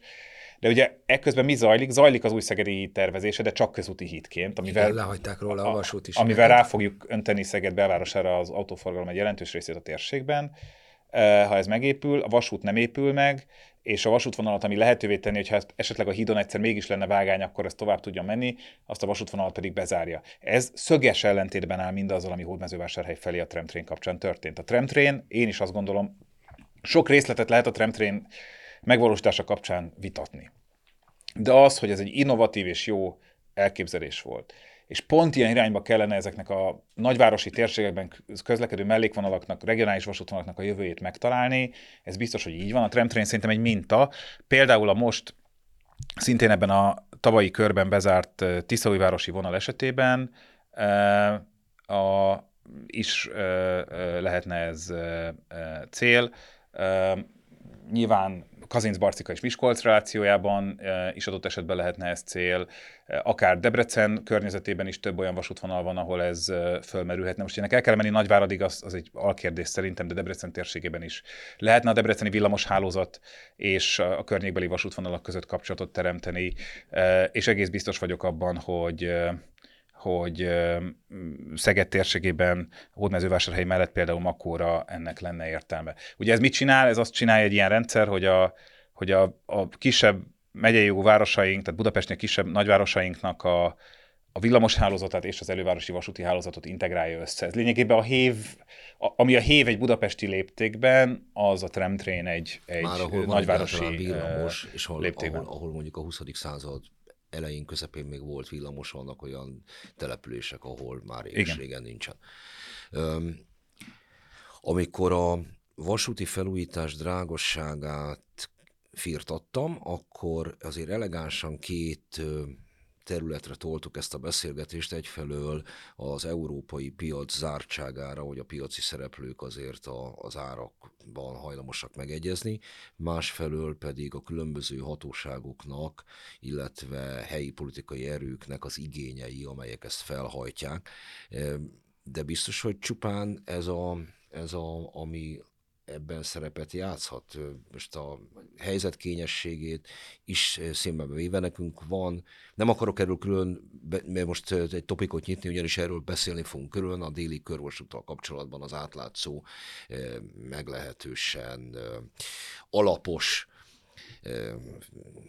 munkát folytat azzal kapcsolatban, ennek minden problémáját előtárjuk, és hogy ugye arról van szó, hogy folyamatosan drágul a beruházás, a fővállalkozó Szí László, az alvállalkozó Mészáros Lőrinc, és még csak azt se lehet mondani, hogy mondjuk környezetvédelmi előírások drágítanák magát a beruházást, mert hát nem arról van szó, hogy egy madár élőhely mentésről van szó, hanem arról, hogy több száz fát kivágnak. De lefordítom ezt például a Szeged-Szabadka vasútvonalra, ahol a 10 kilométer vagy 12 kilométernyi pálya majd 50 milliárd forint. Ehhez képest, amiről beszéltünk, a 80, a 60 az egy lényegesen hosszabb és bonyolultabb szerkezet, és 200 milliárd volt. Tehát, hogy biztos, hogy csak a, a műszaki tartalmak drágítják ezeket a beruházásokat. Arról nem beszélek, hogy amit előbb említettél, az M76-os, hogy kilométerenként 10 milliárdért akarunk autópályát építeni, illetve nem is tudom, mi volt a másik, 300 milliárdért egy Dunahidat. Tehát ezek olyan, olyan számok, amire ellentétben meg azt mondod, hogy egy évbe kéne összesen pályafelújításra költeni, miközben egy műtárgyra, vagy két, egy, egy útra és egy műtárgyra 700 milliárd forintot terveznek költeni, tehát ezért ezek elég, elég érdekes számok. Az biztos, hogy, hogy az európai országok között Magyarországon az építőipari beruházások árszintje az mondjuk úgy, hogy felzárkózott a, a körülöttünk lévő országokból inkább a tőlünk nyugatra tartó, tartozó országokhoz. Nagyon nagy szórások vannak ebben Európán belül, én sem mindig pontosan értem, hogy miért, és most nem kitérni akarok, a magyar építőiparnak nyilván vannak sajátosságai, de mondjuk az, hogy Spanyolország milyen mértékben olcsóbban tud építeni vasutat, mint akár a szomszédos Franciaország, vagy akár mi, tehát a spanyol vasútépítések lényegesen olcsóbbak, mint nagysebességű vasútépítések 300 km per órával olcsóbbak, olcsóbbak mint a magyarok. Ennek valószínűleg az a leg, legfőbb magyarázata, hogy, hogy nagyon professzionalizált, nagyon magas szinten gépesített, globális szereplőként az Egyesült Államokban és mindenhol jelenlévő vasútépítő cégeik vannak, amiknek valószínűleg egyszerűen emiatt a, a technológiai fejlettsége nagyobb, de, de találgatok, én sem tudom pontosan, hogy milyenek az oka de nagyon, nagyon érdekes ezeket a különbségeket látni. Azért, ha megnézzük, a nagyon, nagyon nagy verseny van mondjuk a román építőipari piacon, ott a vasútépítések ben most az RRF, tehát a helyreállítási alapforrásaiban a magyar határtól Kolozsvárig tartó szakaszon három nagy tender volt, azokban eh, volt, ahol török, volt, ahol eh, francia, és volt, ahol olasz cég győzött, vagy fővállalkozóként legalábbis ők jelentek meg, tehát egy elég nagy versenyző nemzetközi piac van, és eh, azok az árak, amik ott kijöttek, ezt egyszer nagyjából összehasonlítottuk, azok a, a most zajló lakosházai és és Bihar keresztesi szintén a román-magyar határnál lévő magyar beruházásoktól azért nem térnek el nagyon. Van egy 10-20 százalékos különbség, de nem kétszeres vagy háromszoros árkülönbségek vannak. Tehát azért az látszik, hogy, hogy magas árakon zajlik a, az építkezés Magyarországon, nyilván nagyon ritkán van erős verseny, tehát érződik az, hogy a fővállalkozók az építőiparban inkább maguk alá rendezik a piacot, mondjuk így, és a, az építőipari vállalkozók egy jelentős része az, az, az inkább a nem közvetlenül az állammal szerződő, hanem az alvállalkozói szerepben keresi meg a maga szerepét, de azért nyilván a most említett szereplők kellett a, mondjuk a Strabag vagy a Svitelski által kialakított piaci viszonyok sem voltak ettől nagyon eltérőek, tehát hogy ez egy ez, a monopól ez, helyzet az ugyanezt szüli, mint a biztosító berendezéseknél. Um, tehát... Hát a monopól helyzetek nem álltak elő, de legalábbis itt is inkább ilyen oligopol piaci berendezkedések alakulnak ki, ahol két-három szereplő van hogy mondjam, nehéz is ez, mert valójában... De megvan neked, de megrendelők kormányváltáskor 2010-ben a Strabag, ami odáig a korábbi kormány támogatójának tudtak be elsősorban egyből hirdetést helyezett el a magyar nemzetben, mert a magyar nemzet olvasói olyan sűrűn akarnak mozdonyt venni. Na Szerencsére. Jó. Igen. Azóta Te... is csak ott hirdetnek egyébként, ha jól tudom. Ezen nincsen nagyon máshol már. Igen.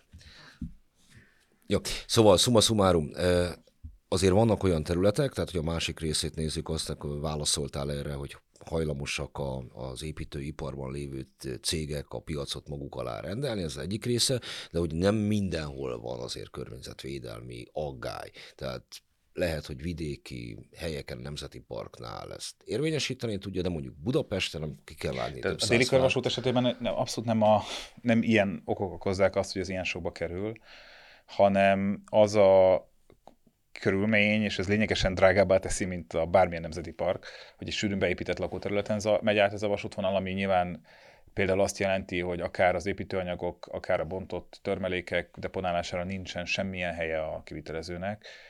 Lényegében minden építőanyag, ami beépül, és minden kibontott anyag az azonnal fogja vagy elhagyni, vagy, vagy, vagy odaérkezni teherautó segítségével nagyon-nagyon kemény logisztikai környezet lesz az, amiben itt a déli körvasút kivitelezőjének dolgoznia kell. Teljesen eltér azoktól a tipikus vidéki felújításoktól, ahol oda lehet halmozni mindent akár hónapokra előre. Hát Budapest-Belgrád épít munkaterületére, hogyha kimész, látni fogod, hogy ott az építőanyagok halmokban állnak, és nincs és hely. És várják, hogy egyszer nincsen, valaki dolgozzon vele. Nincsen helyhiány.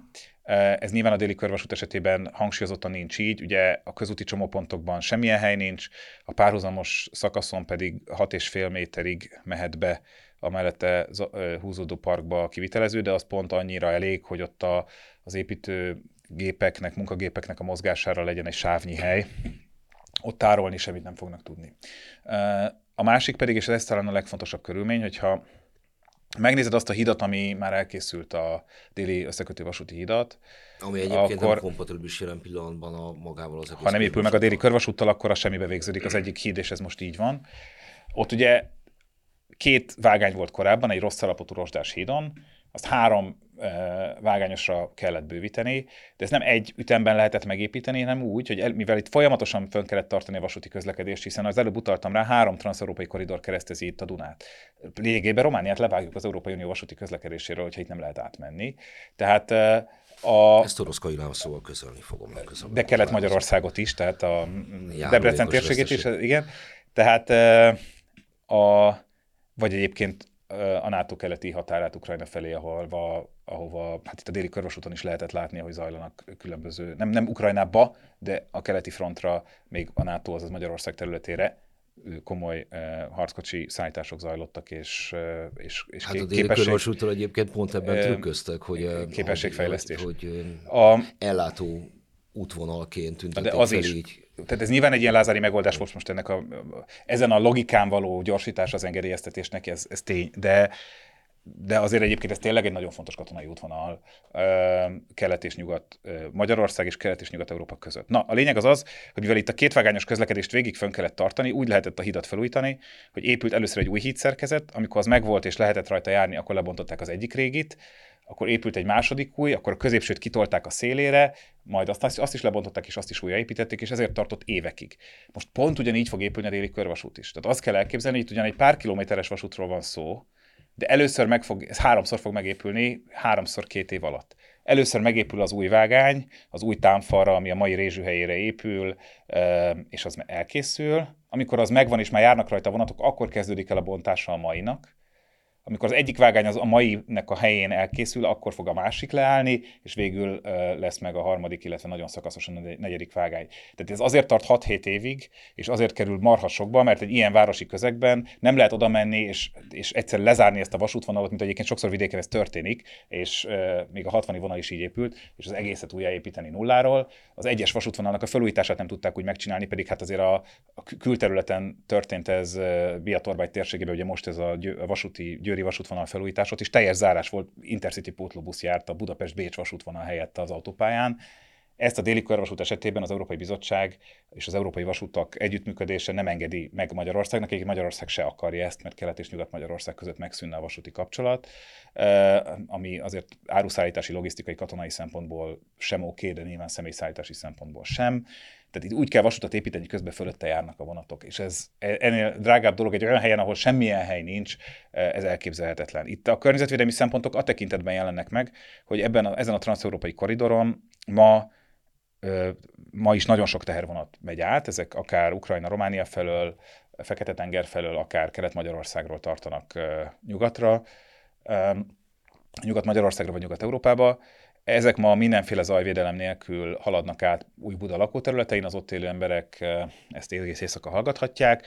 Ennek a beruházásnak a részeként egy olyan magas zajvédőfal épülne, ami a, ezeknek a vonatoknak az aját bent tartja egy ilyen, hát nem alagútban, de egy ilyen fél alagútszerű kialakításban. Ez azért egy jelentős környezetvédelmi kérdés. Az való igaz, hogy nem lehet megépíteni úgy ezt a harmadik vágányt, hogy annak a parknak bizonyos számú fáját, ami ott közvetlenül a vasút mellett van, azt azért, hogy fölvonulási terület legyen, eh, ne vágnák ki. Nagyon sokáig nézték a mérnökök, hogy van-e alternatív megoldás, helikopterrel nem lehet vasutat építeni, tehát egy új, új tartószerkezetet, egy új támfalatot megépíteni úgy, hogy nem lehet mellé oda menni, ezt és cölöpözni, és a másik oldalon közben járnak a vonatok, erre egyszerűen nem volt Értem, megoldás. ebben most nem, Egyébként, és van ehhez ha... megjegyezni való, csak erre de külön, én... külön de... de nem, azért nem, akar, azért nem akarok bemenni, mert, nem, mert az egy másik pont a holnapi nap fogunk felvenni egy másik műsort, ami csak ezzel fog foglalkozni, majd a e, déli körvasúttal.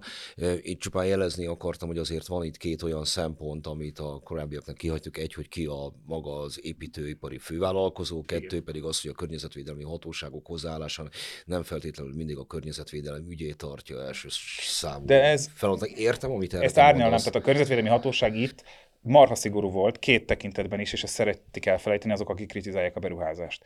Az egyik, hogy miért a park felé épül a vasút, és miért nem a másik irányba, ez ugye gyakori kritika.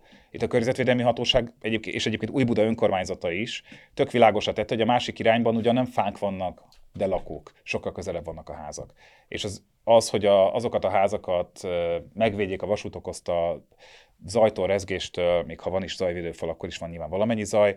Ez egész egyszerűen előre való, előrébb való környezetvédelmi érdek volt, mint azoknak az egyébként, hogy mondjam, ilyen város használói, város élmény szempontból nyilván értékes, de környezetvédelmi szempontból különösebb értéket nem képező fáknak a védelme, amik eleve egy véderdőként kerültek oda, hiszen ezen a helyen a Hungária körút folytatódott volna. Itt azért vannak fák, ez persze most utólag persze lehet mondani, hogy mindegy, de itt azért vannak fák, és azért nem épültek tovább a társasházak, mert ez a Lágymányosi híd levezető szakaszaként volt kiszabályozva, csak ugye a 90-es évek elején a, a helyi tiltakozás ezt megakadályozta, és ezért kanyarodik élesen balra az út ott a végén. Senki nem akarja ezt a parkot eltörölni a földszínéről. Én magam voltam a benyújtója annak, hogy itt ez, köz, ugye ez végig közúti minősítéssel volt. Tehát ez a szabályozási terveken 2020-ig ez közlekedési célú közterület volt, nem park. Az, hogy ezt átminősítsék azt a területet, ami a vasútfejlesztés mellett megvan, parká, ennek én voltam a kezdeményezője, ez megtörtént, és szerintem a vasútfejlesztés során azt, hogy a lehető legkevesebb fa sérüljön, és minden nem darabra, hanem törzsátmérőre vissza legyen pótolva, ezt, ezt meg kell csinálni, ezt egyébként a beruházó vállalta is az új budai önkormányzat felé, ezt, ezt nyomon kell követni, én is nyomon fogom követni, hogy ez teljesül-e, de, de egész egyszerűen muszáj egyet hátralépni, és azt tisztán látni, hogy ez az ország egyik és az egyik, Európa egyik legfontosabb vasútvonala, ami itt összefut rengeteg irányból. Egyébként személyforgalmi szempontból épp, hogy összekössem a két témát, épp a Rákos 60 vasútvonalnak a keleti pályaudvari kapacitás szűkületén is segít az, ha van déli körvasút, tehát több vonat tud bejönni a keleti elővárosokból, hogyha azoknak nem mind a fejpályaudvarra kell menni, hanem a körvasúton el tudják kerülni Budapest legbelsőbb centrumát és a fejpályaudvarokat, és fordítva szintén az előbb általam említett 30-as, 40-es, tehát a Budapest Székesfehérvár és a Budapest Puszta Szabolcs vasútvonal is úgy lett felújítva, ezek már ugye kész vannak szintén, hogy több vonat tudna ma járni, járni rajtuk, mint amennyi ma jár, és igény lenne rá, ha az érdieket megkérdezed, el fogják mondani. Érdről tudna járni negyed óránként be a gyorsvonat Budapestre, a mai fél óra helyett, de azért nem tud, mert a déli pályaudvar nem tudja fogadni, nincs kapacitása annak a szűk keresztmetszetnek ott a kis Gellért hegynél. A déli körvasút lehetővé fogja tenni, hogy mind az Érd Székesfehérvár vonalon, mind a Pusztaszabolcsi vonalon, ami szintén érdet érinti, mind a 60 Gödöllői elővárosi vonalon több elővárosi vonat tudjon bejönni, mert ezeknek nem kell bemenniük a fejpályaudvarokra, hanem a déli körvasúton tudnak áthaladni.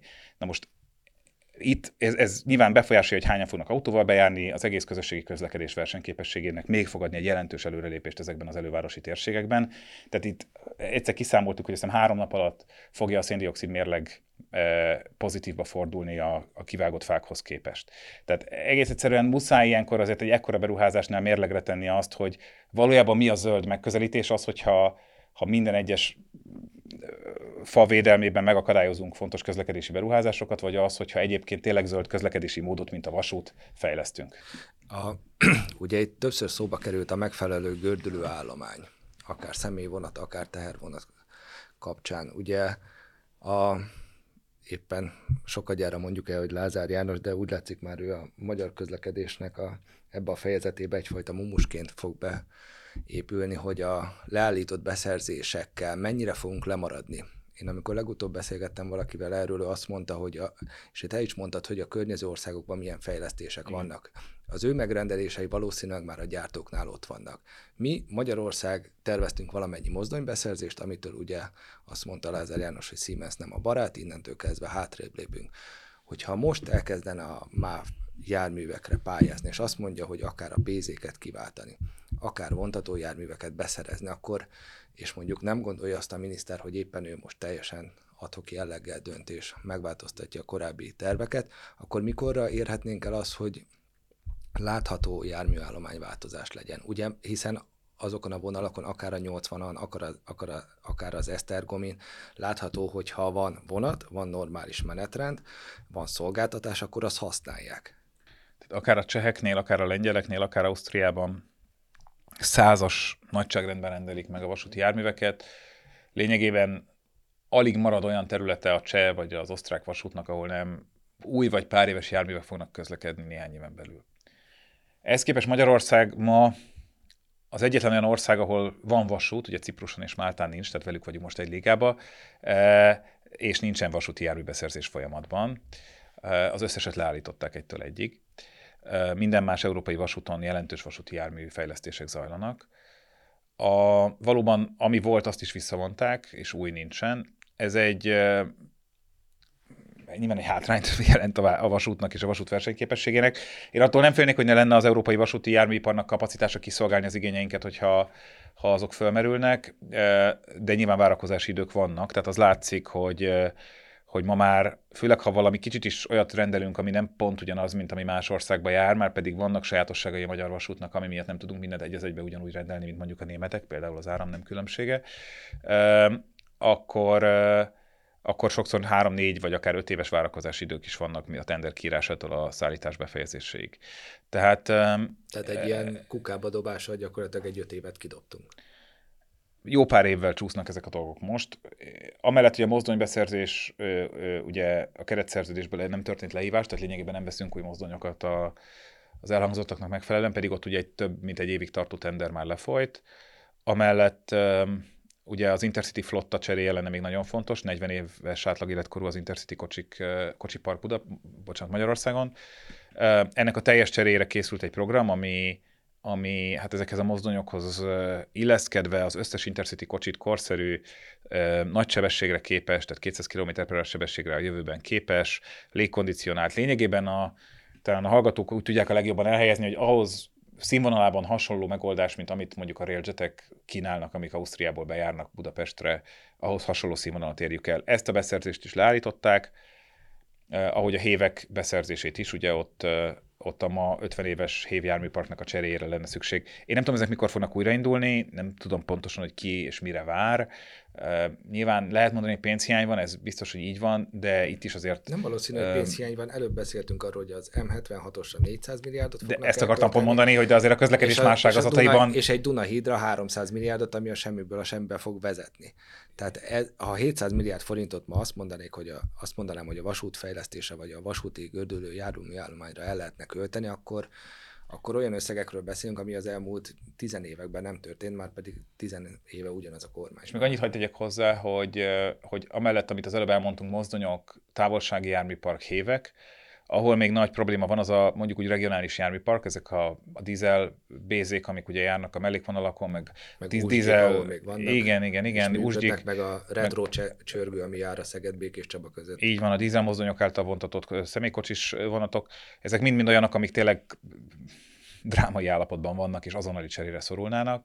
Ezeken a területeken egyébként, és akkor itt visszaértünk az első témához, azért azt a kérdést is szerintem föl kellene tenni, hogy ha a MÁV fölteszi a két kezét, hogy ő ezt nem tudja üzemeltetni, ugye ez volt a szöveg a mellékvonalak bezárása kapcsán, a MÁV Start azt mondta, hogy ő már nem tudja ezeket üzemeltetni, akkor egyébként föl kéne tenni azt a kérdést, hogy a magyar állam ebben ilyen áldozati szerepben van, vagy megrendelő. Tehát a, a, a, a saját szuverenitására, a saját Hát a magyar felhatalmazására. Is, mert ugyebár tulajdonos is. Igen, És nagyon, megrendelő. nagyon büszke magyar állam, hogy tud áldozatává válni a MÁV-nak.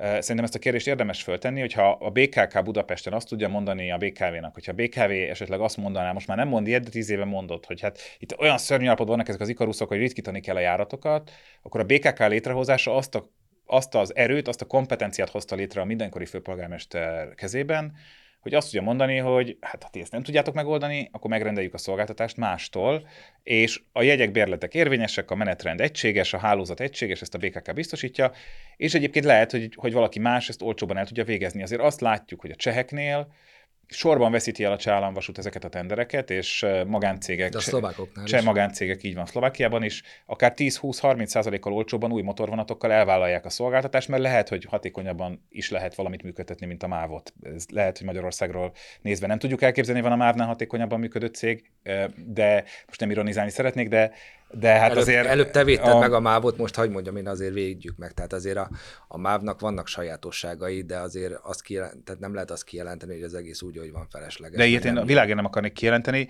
de azt gondolom, hogy a verseny még nem tett rosszat senkinek.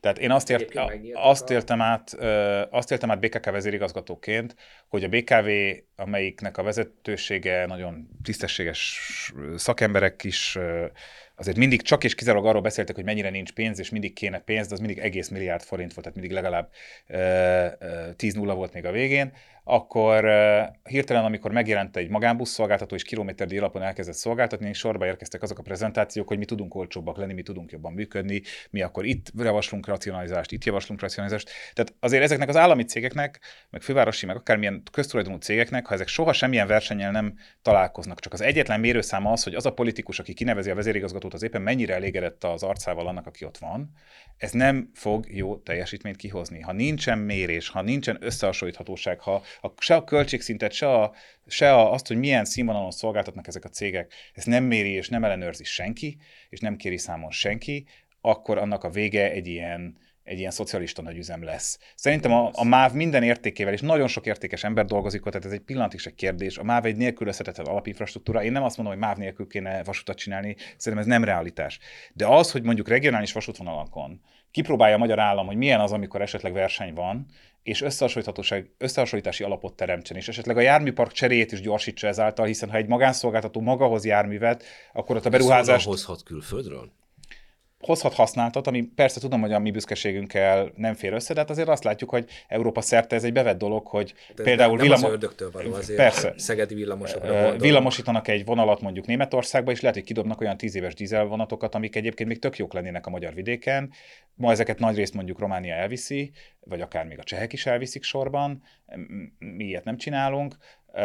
Vagy, vagy az is lehet, hogy egyébként mondjuk egy olyan jármű üzem, vagy egy olyan vasútüzemeltető, akinek van már egy megrendelés, az azt tudja könnyebben mondani, hogy figyelj, abból még ötöt kérek, a már sorozatban gyártott járműből gyártsál többet, és akkor hamarabb tudja hozni, mint egy közbeszerzés köteles MÁV start. De én nem, tehát én csak azt akarom mondani, hogy ma az állam lényegében ezt a fajta megrendelői képességét leépítette. Nekünk volt erre egy tervünk, ezt már végigcsinálni nem tudtuk a minisztériumi változások miatt, hogy a BKK mintájára hozzunk létre egy olyan országos közlekedésszervezőt Magyarországon, ami összehangolja a menetrendeket, egységes tarifarendszert hoz létre, és így tovább, és utána létrejön az a képesség, hogy akár versenyeztetni tud az üzemeltetés jogát egyes vasútvonalakon, vagy akár buszvonalakon is. És még egyszer, ez nem azt jelenti, hogy az utasok akkor azt látják, hogy egy zagyva versenyhelyzet van, és akkor, mint a két fapados légitársaság egyszerre megynek ugyanoda, és aztán két cég, és aztán nem jön semmi, nem. Ez úgy működik, hogy a közszolgáltatásnak az alapjellemzőit, amit az utas érzékel, lát, azt a azt, azt egy helyről döntik el, és ez egy darab szolgáltatás, csak azt, hogy éppen kiüzemeltet egy járatot, abban lehet verseny. Én ebben hiszek, és azt gondolom, hogy azért a magánszférának a, a működési logikáiból nagyon sok hiányzik a közféra működési logikáiból, és szerintem a teljesítmény mérhetősége és a verseny az igenis észszerű határok között is, úgyhogy az nem a közjó rovására megy, ennek lenne helye a, a működésében a közférának helyben is vagyunk. Ígértem, hogy vissza fogok térni két dologra az elején, csak hogy akkor először merüljünk el a kötött pályás közlekedés rejtelmeiben, de akkor magad hoztad vissza mind a két kérdést, az egyikre válaszoltál is, az egyik ugye a közféra és a magánszféra viszonyát jelentette volna, és ígértem, hogy erre még visszatérünk, de akkor ezt kimaxoltuk. A másik meg a BKK létrehozása is értelme, ezt is érintetted most itt előbb, illetve azt is, hogy ebben milyen komplex megközelítési igények lennének, amelyet az állam vagy tud teljesíteni, vagy nem, de inkább nem. És az egyik ilyen mostanság kirobbant botrány, ez a Budapest bérlettel kapcsolatos, mert ugye a az összehozása a különböző közlekedési területeknek nem csak azt jelenti, hogy a városon belül a kerékpáros közlekedéstől a kötött pályás villamos közlekedésig, illetve a buszoktól a magán rollerekig egységes kezelése, mint egy város közlekedése, hanem az agglomerációnak és Budapestnek is a nagyjából ilyen összefüggő kezelése. Akkor nézzük a Budapest bérlet problémáját, illetve azt a helyzetet most, ami kirobbant. Lázár János többször előkerült már ebben a beszélgetésben, nem mindig pozitív szereplőként, sőt, általában nem pozitív szereplőként, viszont ha jól hát láttam, akkor ezzel, igen, a, az volt, ha jól láttam, nem őt tette első számú felelőssé ebben a kérdésben most, mármint az, hogy a főváros és a minisztérium között kirobbant egy jogvita, amelynek eredményeként bőven elképzelhető, hogy a budapesti és agglomerációs polgárok lesznek a vesztesek. Ugye ez az egész ö, ügy december 21-én került a nyilvánosság elé egy index cikkben, ahol hát nagyrészt a minisztérium álláspontját tolmácsolva arról írta ez a cikk, hogy megszűnik a Budapest bérlet, és megszűnik az az együttműködés, ami a főváros és a kormány között létrejött. Én ekkor azt mondtam, és azóta is végül is azt mondom, hogy a főpolgármesternek és a miniszternek, Lázár Jánosnak és Karácsony Gergelynek tárgyalnia kell és meg kell állapodni. Ezt eleinte ilyen értetlenség követte, hiszen a szokásos felállás, ahol a kormány az erőszaktevő és a főváros az áldozat, és mindenki ebben a szerepben így e, e, meg tud merítkezni, és meg tudja védeni a másiktól a, a saját szavazóit. E, ebben, ebben állt, eb, ez a helyzet alakult ki, és sokan rossz néven vették, hogy én a főpolgármestert e, ilyen szempontból egy aktív cselekvésre próbálom késztetni az ügyben a miniszterrel együtt, de már oda jutottunk, hogy ők maguk is ezt mondják, most ugye az az állítás, épp láttam tegnap a nyilatkozatát a főpolgármesternek, hogy tárgyalnak egymással, tehát hogy végül is megtörtént az, ami, ami, amit én ott megfogalmaztam, ugyanis ez abból ered, hogy amiért ezt mondtam, ez nem egy politikai állásfoglalás volt, hanem egy tárgyi, a tényszerű, a jogi helyzetet leíró, hogy a törvény kifejezetten úgy fogalmaz, és ez nem egy új törvény, ez így van több mint tíz éve, hogyha egy ilyen bonyolult rendszerben együtt kell működtetni agglomerációs és városi közlekedési eszközöket, akkor ott a miniszternek és a főpolgármesternek kell egymással megállapodást kötnie. Ez a megállapodás, ennek a legelső verziója, még fővárosi oldalon ezt BKK vezetőként én tárgyaltam ki, ez 2011-ben jött létre a Budapest bérlettel együtt, akkor ugyan a nagy MÁV vonatok, tehát a MÁV start vonatai és a sárga mindig is volánjáratoknak a, a, a bérlettel való használatára terjedt ez ki. Aztán 2016-ban, amikor a főváros úgy gondolta, hogy jól jár azzal, szerintem nem járt jól, de ez akkor egy rosszul fölmért szituáció volt még a Tarlósféle városvezetés részéről, de nyilván a saját anyagi túlélésük miatt találták ezt ki, akkor is viták voltak a főváros finanszírozásáról, akkor a héveket és a, az agglomerációs BKV buszjáratokat átadták az államnak, és a héveket a MÁV, az agglomerációs kék volánbuszokat pedig a volánbusz üzemeltette tovább. Mondjuk erre az utóbbira egy jó példa a 22-es busz, ami Budakesziről bejár Budapestre, behozza elővárosi közlekedésként, helyközi közlekedésként az embereket Budakesziről Budapestre, ez a miniszter feladata, majd aztán a Korányi Tüdőgondozó Intézetnél, vagy a Lauder iskolánál, vagy a nem tudom, az ott lévő magas házaknál megállva budapesti utasokat szállít a Szélkálmán térre, az pedig egy helyi közlekedés, az a főpolgármester feladata. Ezt ugyanaz a buszjárat látja el, ahogy a Szentendrei Hév is Békásmegyertől befelé budapesti, Pomáz, meg Szentendre felől pedig, vagy Budakalász felől pedig helyközi közlekedést lát el. Ezek a járatokat egy megállapodás szabályozta, amelyben a főváros. Sok megállapodás szabályozta, egymásra épülő megállapodások tömege szabályozta. Igen, bár azért valójában a legfontosabb megállapodás az az volt, amit a minisztérium kötött a fővárossal. Többi az inkább technikai lebonyolítási megállapodás volt, azoknak kisebb volt a jogi jelentősége. A fő megállapodás az az volt, amiben a két megrendelő, tehát a főváros és az állam, megállapodott arról, hogy ezeket a járatokat ők közösen működtetik, megállapodott arról, hogy ki mit fizet a másiknak, és itt a főváros, hiszen akkor ő egy átadó fél volt, komoly előjogokat harcolt ki magának. Mik ezek az előjogok? A fővárosnak vétójoga volt a menetrendre, tehát a hévek vagy ezeknek a buszjáratoknak a menetrendjét nem módosíthatta az állam, annak ellenére, hogy állami tulajdonú cégek működtették a főpolgármester engedélye nélkül, és nem is módosították, nem volt erre példa. Most ugye kiritkították a héveket, amint lejárt ez a megállapodás. Másik oldalról pedig a tarifarendszere nem is vétója volt a fővárosnak, hanem egyedül meghatározhatta. Tehát az, hogy Budapesten milyen jegyek, bérletek érvényesek a hévekre, ezekre a volánbuszokra, ebben egyedüli döntési joga volt a fővárosnak, az államnak még vétójoga sem volt. Ezeket a jogait a főváros elvesztette december 31-én. Az én kritikám azért szólt a fővárosnak egyel erősebben, mert ha a fővárosnak vannak előjogai, amik a budapesti közlekedők szempontjából fontosak, akkor nem lehet december 21-én rádöbbenni arra, hogy lejár a december 31-i szerződés. Hol volt a főváros nyáron, ősszel, hogyha Lázár János nem akart velük megállapodni, ami az állításuk volt, akkor miért nem szeptemberben tették ezt szóvá? Én neked mondani, hogy szerintem itt mi történt, már csak azért is, mert ezekben, mint előbb utaltam rá, bele néztem már, mint hogy milyen megállapodások voltak, ráadásul nem vagyok róla meggyőződve, hogy a jelenlegi jogszabályi környezet szerint jogszerűen átvehette volna a MÁV és a Volán ezeknek a közlekedési eszközöknek az üzemeltetését, tehát mondom, egy nagyon fura jogi konstrukcióban van az egész, de hogy a főváros miért várt, és hogy a Lázár minisztérium apparátusa szerintem miért vezette meg a minisztert, az, az, szóval ezzel kapcsolatban nekem van egy véleményem, vagy egy ilyen meggyőződés, meglepődésem mélyett, ahogy ezt figyeltem, hogy, hogy azt Lázár János szerintem jól érzékeli, itt az állam gyakorolt egy gesztust a főváros irányába, tehát az állam számára jelentett anyagi megterhelést annak idején, amikor Tarlós István politikailag még olyan helyzetben volt, hogy Segesvári Csaba ne szedje szét teljes egészében az átlátszó berendezését, meg a saját telefonját. Szóval Tarós István még olyan helyzetben volt, hogy el tudja azt érni, hogy ha már pénzt nem tud kapni például a hívek üzemeltetésére, akkor vegye át az állam tőlük ezeknek az üzemeltetését, és, és most... fejlesztési feladatait, ami ugye egy óriási plusz. Így, így, így, így, így. Pontosan, tehát Lázár János gondolhatta azt, hogy hát most már ellenzéki főpolgármester van, nem tud a kormányban neki problémát okozni. Ő 22-ben is ellenzéki ez... főpolgármester volt, és meg tudtunk állapodni, ott még az én dolgom volt, tehát hogy...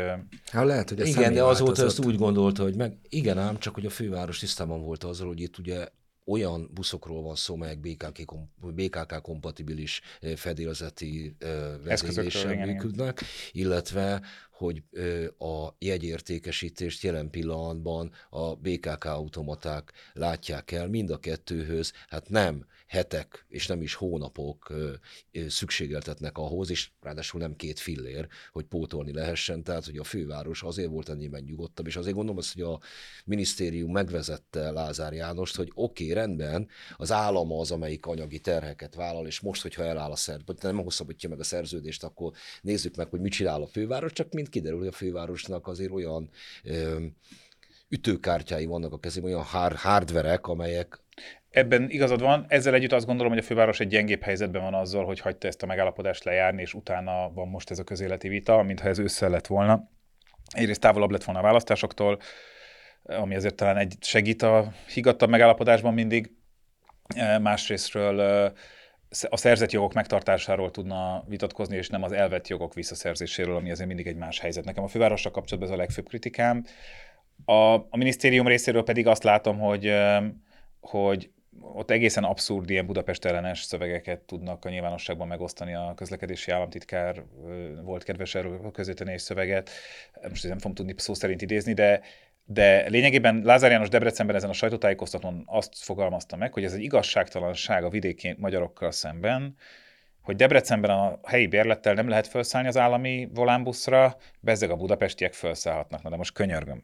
Tehát ez, ha ez igazságtalanság, akkor Debrecenben meg kell csinálni a Debrecen bérletet, meg Győrbe, meg Székesfehérváron, meg mindenhol semmi akadálya nem lenne. Ahogy, ott állt, ahogy Szegeden megcsinálták a tramtrain Ott a tramtrain megcsináltuk, ugye... így van, így van. Tehát ott állt mellette a debreceni polgármester, mikor ezt mondta, hát vonuljanak félre és állapodjanak meg. De ahhoz, hogy hogy a Budapest és a vidék között igazságtalanság megszűnjön, nem, az az, nem úgy vezet az út, hogy azt, ami Budapesten működik, szétverjük, és akkor ott se fog működni, ami vidéken nem működik. Egyébként Kecskeméten is, mint hogyha megállapodtak volna, hogy átjárhatóság jön létre, miközben Kecskeméten ugye Vannak magy- magánszolgáltató van. Igen, igen. Tehát nem a volán busz üzemelteti, hanem egy közlekedési Vannak központ. kisebb példák, nyilván meg lehet állapodni. Én azt remélem, hogy Budapesten is azért az lesz ennek a hajcélnek a vége, hogy azért meg tudnak úgy állapodni, hogy megmaradjon a Budapest bérlet, de nem elég, ha a bérlet megmarad. Ne felejtsük el, hogy a jegyek is ma a BKK-hoz tartoznak. Azért meglepő lenne az, hogyha mondjuk a Budapest Go-ban vásárolt 30 vagy 90 perces jegy, vagy a farzsebünkben lévő 10-es gyűjtőjegy nem lenne érvényes a Szentendrei héven vagy a 22-es buszon eh, ahogy mondjuk a forgalomirányítás terén meglévő együttműködés is fontos, tehát az, hogyha a hévben van baleset történik, vagy műszaki hiba, akkor a BKK megszervezi a pótlóbuszokat pár percen belül, ahogy ez Budapesten szokás, az, hogy ez akkor rögtön megjelenik a BKK összes tájékoztatási felületén. Ha ez hirtelen a mávos rutin szerint kezdene el működni, és azt kéne várnunk, hogy mikor jön vidékről volánbusz, és a MÁV tájékoztatási standardjait alkalmaznák a héveken, akkor azért elég nagy bajban lenne Budapest. Egyébként ennek csak vesztese van ennek a helyzetnek, nem? Tehát ebből senki nem tud hát, nyerni, nem tud profitálni. Tartalmi értelemben szerintem csak vesztese van. Politikai értelemben azért azt látom, hogy hogy Budapest az most egy csatatér politikai értelemben, itt húzódik az országos politika frontvonala, és, és azért a szereplők, hogy meg tudnak merítkezni egy ilyen helyzetben a különböző szerepekben, Nyilván a főpolgármester egy városvédő szerepben tűnik föl ilyenkor, és jelenik meg, ugye ez már egy jól bevált és sokak által ismert szerep, Lázár János pedig a, vidék, a vidéket védi az igazságtalanságtól. És lehet mondani igaz mondatokat ebben. Tehát amikor Lázár János azt mondja, hogy micsoda igazságtalanság az, hogy Budapest kap 12 milliárdot évente a tömegközlekedés üzemeltetésére, de az összes vidéki város nullát, ez egy igaz állítás, és egyébként szerintem sincs rendben, de akkor, akkor a vidéki városokat is kéne talán finanszírozni, az nem úgy, nem úgy lesz igazságos a helyzet, hogy elvesztjük Budapestről a 12 milliárdot. Amikor azt mondja Karácsony Gergely, hogy a, hogy a 12 milliárdot nem emelték inflációval, hát az is igaz, és valóban jó lenne, ha inflációval lenne emelve, de ehhez az egész vitához ennek sok köze nincsen, mert az agglomerációs elszámolásban mindkét fél mindig inflációval próbálta emelni az árakat, a BKK is, amit szolgáltat a MÁV felé, meg amit a MÁV szolgáltat a főváros felé is, tehát eh, ennek ehhez nagyon sok köze nincs. De. Tehát csak azt akarom mondani, hogy, hogy persze ez ilyen bonyolult rendszerben mindig lehet találni olyan aspektusokat, amik még úgy igazság alapjuk is van, és el lehet mondani, hogy itt ö, eh, valamiféle igazságtalanság van, vagy valamiféle probléma van. Szerintem annál jobb rendszert nehezen fognak kitalálni, mint ami eddig működött. Eddig egy teljesen integrált rendszerben működött a budapesti tömegközlekedés, annak ellenére, hogy átadta a héveket és ezeket a járatokat Tarlós István az államnak. Szerintem a legokosabb és legegyszerűbb dolog, és annak biztos nem lenne vesztes, hogyha visszatérnénk a korábbi megoldáshoz. Meglátjuk, hogy ez sikerül-e. Jó, akkor beszélgetésünk végén, ha már megint csak te hoztad szóba, Budapest, mint politikai csatatér. Hogy is van most esetedben ebbe a csatatérre való beszállás kérdése? Tehát te, mint lovag jelensz meg, Igen, megmentő, vagy haditudósító. Vagy, vagy, vagy, vagy kérdezzük úgy, hogyha te lennél egy főpolgármester, akkor mit csinálnál másképp? Nem, nem. Kérdezünk ennél konkrétabban. A főpolgármester jelöltségednek a komolyságát nem kérdőjelezted meg eddig. Tehát, hogy ez egy komoly felvetés komoly felvetésnek tekintem, ez egy elég komoly megkeresés, ez egy nagyon fontos nagyon fontos poszt, és bár sokan azt mondják, hogy ilyenkor azzal jönnek, hogy hát a főváros mennyi minden hatáskörét elveszítette, amiben persze van igazság, de azért még mindig a főváros és Budapest fejlődésére a legnagyobb hatással bíró pozíció a főpolgármesteré. Tehát nyilván, amikor... A Nyilván. fővárosi önkormányzati, akkor így mondom. Tehát amikor engem ezzel megkerestek, egyébként már sok évvel ezelőtt is voltak ilyen felvetések, vagy kaptam ilyen civil és szakmai és egyéb megkereséseket. Most ugye különböző civilek mellett az, egy, az egyik parlamenti párt, az LMP is megkeresett ezzel a, ezzel a lehetőséggel. Ezzel nyilván el kell rendesen gondolkodni, ezt én, hogy mondjam így, elhárítani semmiképpen nem szerettem volna, hanem ezt végig gondolom, és végig is fogom gondolni. Bennem a nagy dilemma az, és ezen ezt járom most körül, és beszélgetek erről sokat, és, és ezt ebben szeretnék a magam eszközeivel tisztában látni, hogy lehet-e arra bármi esély, hogy Budapest meghaladja ezt a fajta csatatér státuszt és, és pártpolitikai harcmező státuszt, ahol ugye lényegében ma az a helyzet, hogy Budapest fejlődése megállt, mióta élek nem volt olyan, hogy egy kötött pályás beruházással legyen folyamatban, most nem épül éppen semmi, de nem csak Jó, ilyen téren... Olyan sem volt, legyünk igazságosak, olyan sem volt, hogy tényleg szó szerint állt meg, mert olyan világtörténelemben még nem volt, hogy leállítanak világot másfél évre, és ez nyilvánvalóan a településeket világszerte roppant nehéz helyzetbe hozta. Hát azért nem ezt látom, tehát Európában, ha megnézed a fővárosokat, inkább az történt, hogy kihasználva ezeket a helyzeteket, a gazdaságélénkítés, a COVID utáni helyreállítás miatt rendelkezésre álló forrásokat, nyilván ők hozzáférnek uniós forrásokhoz, tehát nyilván vannak különbségek, de azért inkább az látszik, hogy nagyobb léptékben zajlanak nagy beruházások, és most nem csak a közlekedés terén akarnék, nem csak ott találunk erre példát, de a nagy közterületi beavatkozások, parképítések, zöldföldfejlesztések, nagyon sok téren Budapest egy ilyen álló helyzetben van ahhoz képest, ami mondjuk Prágában, Varsóban, zajlik, és most megint Bécset azt ne is említsük, mert az annyival más ligában van, mint mi. Tehát engem ez foglalkoztat, ezt a várost nagyon szeretem, nagyon-nagyon régóta foglalkozom vele, most már 20 éve világéletemben itt laktam, itt születtem, tehát az, hogy ebből a helyzetből ki lehet a várost mozdítani és meghaladni ezt a pártpolitikai harcot, ami, ami teljesen úrá lett a, a főváros működésén, ezen, ezt mérlegelem, ezen gondolkodom, nem döntöttem még el, hogy Szerintem igen, mondok erre. is úrán volt. Mikorra döntöd el? Meddig kell eldönteni? Hát, június... Bőven, bőven, június 9-e Márciusig? A, a választás. Hát a jelöltállítás az valamikor tavasszal, áprilisban lesz, tehát jog, jogilag még a, még bőven van ezt idő eldönteni, nyilván nem fogom ezt addig húzni, de, de szeretném ezt alaposan körüljárni, és hát nyilván még azért van erre idő.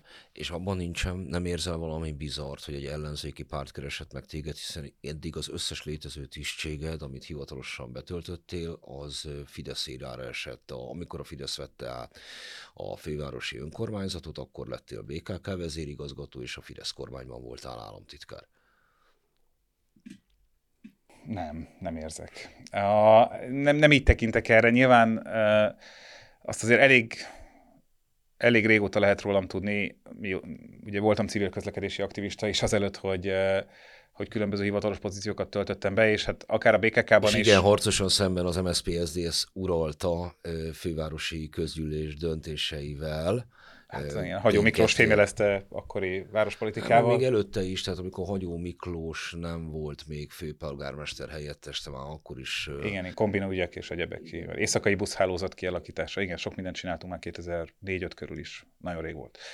Um, szóval szerintem rólam azért az sejthető, tudható, hogy azért engem a város és a és, és, és a fejlesztés és ezek a tartalmi kérdések jobban mozgatnak, mint a pártpolitika.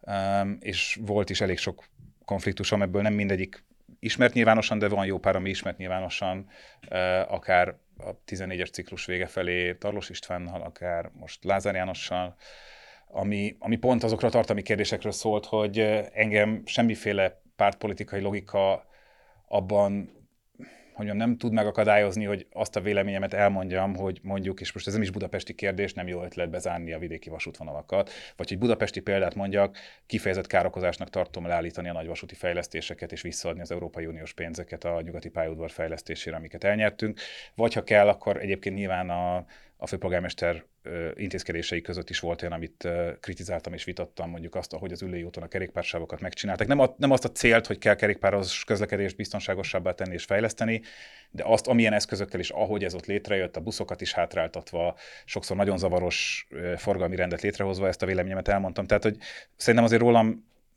ennyi év után látható és ismerhető az, hogy, hogy engem a tartalmi kérdések jobban érdekelnek, mint nem a politika, tehát engem ezért nem lepett ez Ezért meg. nem engedlek ki ebből, a, még így mondom a végén, azt azért még szépen kivesézzük. A miniszterelnök te bármikor beszéltél életed során közlekedési kérdésekről, Budapestről, agglomerációról, vasútbeszerzésről, bármilyen kérte a tanácsodat, vagy véleményedet, vagy volt alkalom arra, hogy kötetlenül erről a számodra roppant fontos kérdésről beszéltek? Hát kötetlenül nem, de hivatalos keretek között, mint volt államtitkár, és mint a Budapest Fejlesztési Központ volt vezérigazgatója, hivatalos keretek között volt erre módon persze. Jó, de közöttetek azért nem csupán hivatalos kapcsolat van. Mennyiben volt a számodra meghatározó tehertétel, előny, bármi Nincs köztünk nem hivatalos kapcsolat. Tehát ez egy, ami a Wikipédián nyilván le lehet vezetni ilyen családfa összefüggésekből azt, hogy a nyilván erre utaltál, hogy a, a, a féltestvérem édesanyjának, aki nagyon-nagyon régóta jóval azelőtt elhunyt, mint hogy én megszülettem volna, a testvére az Orbán Viktor édesanyja. is ismertem, meg a féltestvéredet is ismerem, bár szerintem 25 éve nem találkoztunk igen, az Ádámon. Tehát ez, ez egy olyan nagyon-nagyon távoli és nem vérszerinti kapcsolat, ami, ami semmilyen informális kapcsolatot köztünk nem eredményezett, tehát nekem nem hivatalos kapcsolatom nincs a miniszterelnökkel, és soha nem is volt. Jó, ennek ellenére ez mégiscsak egy valamilyen szintű rokoni kapcsolat, amit felemlegetnek. Még ha nem is de ugyanezzel az erővel fel lehet azt emlegetni, hogy édesanyámnak a mm, édesapám előtti férje Hankis Elemér volt, hogy a hogy az édesapámnak a, az édesanyám előtti felesége Szegvári Katalin volt. Jó, tehát, de akkor sem ilyen, ilyen típusú dolgokat Oké, nyilván... Okay, de akkor ezt tegyük rendben. Tehát ez, ez, ez, ez, egy olyan kérdés, mitán folyamatosan közszájon forog, amiről az emberek beszélnek, tehát beszélnünk kell. Tehát soha semmilyen módon ez más kapcsolatot közöttetek nem eredményezett. Nem. És mennyiben érezted ennek hátrányát? Mármint ennek a fajta ilyen plegykának? Hát ez nem plegyka, vagy, hanem ilyen... az, hogy nem vér szerinti, de egy ö, családfán lerajzolható kapcsolat azért van. Én nem, hát nyilván látom, hogy egy ilyen kommentelői kategóriában ez megjelenik hivatalos közegben szerintem ezt mindig mindenki tudta hova tenni. Tehát én azt, hogy a munkám során azzal szembesüljek, hogy hú, hát akkor most vagy, vagy előny, vagy hátrányt szenvedjek azért, mert, mert hogy én akkor biztos uh, itt uh, be vagyok kötve közvetlenül, um, és ennek valamiféle érzékeltetése megtörténjen, erre nem került sor. Tehát szerintem akik azért valamilyen hivatalos formában a politika környékén mozognak, ez pontosan a valósághoz közeli módon tudták hova tenni.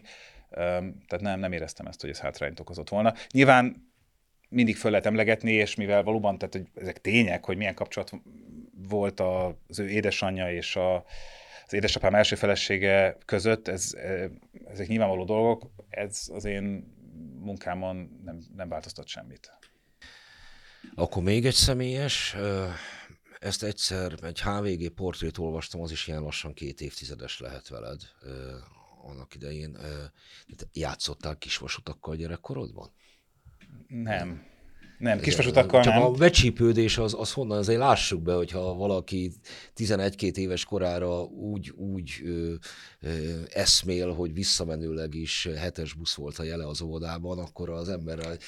Nem, nekem ez az fajta érdeklődésem, ez nagyon korai. Um, valahova 4-5-6 éves koromra teszem, a, amit azért tudok ennyire belőni, mert emlékszem arra, hogy volt egy idős hölgy, aki, amikor szüleim dolgoztak, vigyázott rám, és őt nagy munkával vettem arra rá, és ő, ő hat éves koromig járt hozzánk, tehát hogy ez biztos előtte volt. Őt nagy munkával vettem arra rá, hogy vigyen ki ahhoz a buszvégállomáshoz, ami tőlünk nem messze a Fenyves utcánál, a mai nevén 149-es, akkor 49-es busznak a végállomása volt, mert engem ez nagyon érdekelt, hogy az a busz, ami a házunk előtt megy, az hol végződik, hol a vége, soha nem voltam ott, és hogy ez emlékszem, ez megvan, nagyon kevés dolog van meg az embernek ilyen fiatal korából, de ez megvan.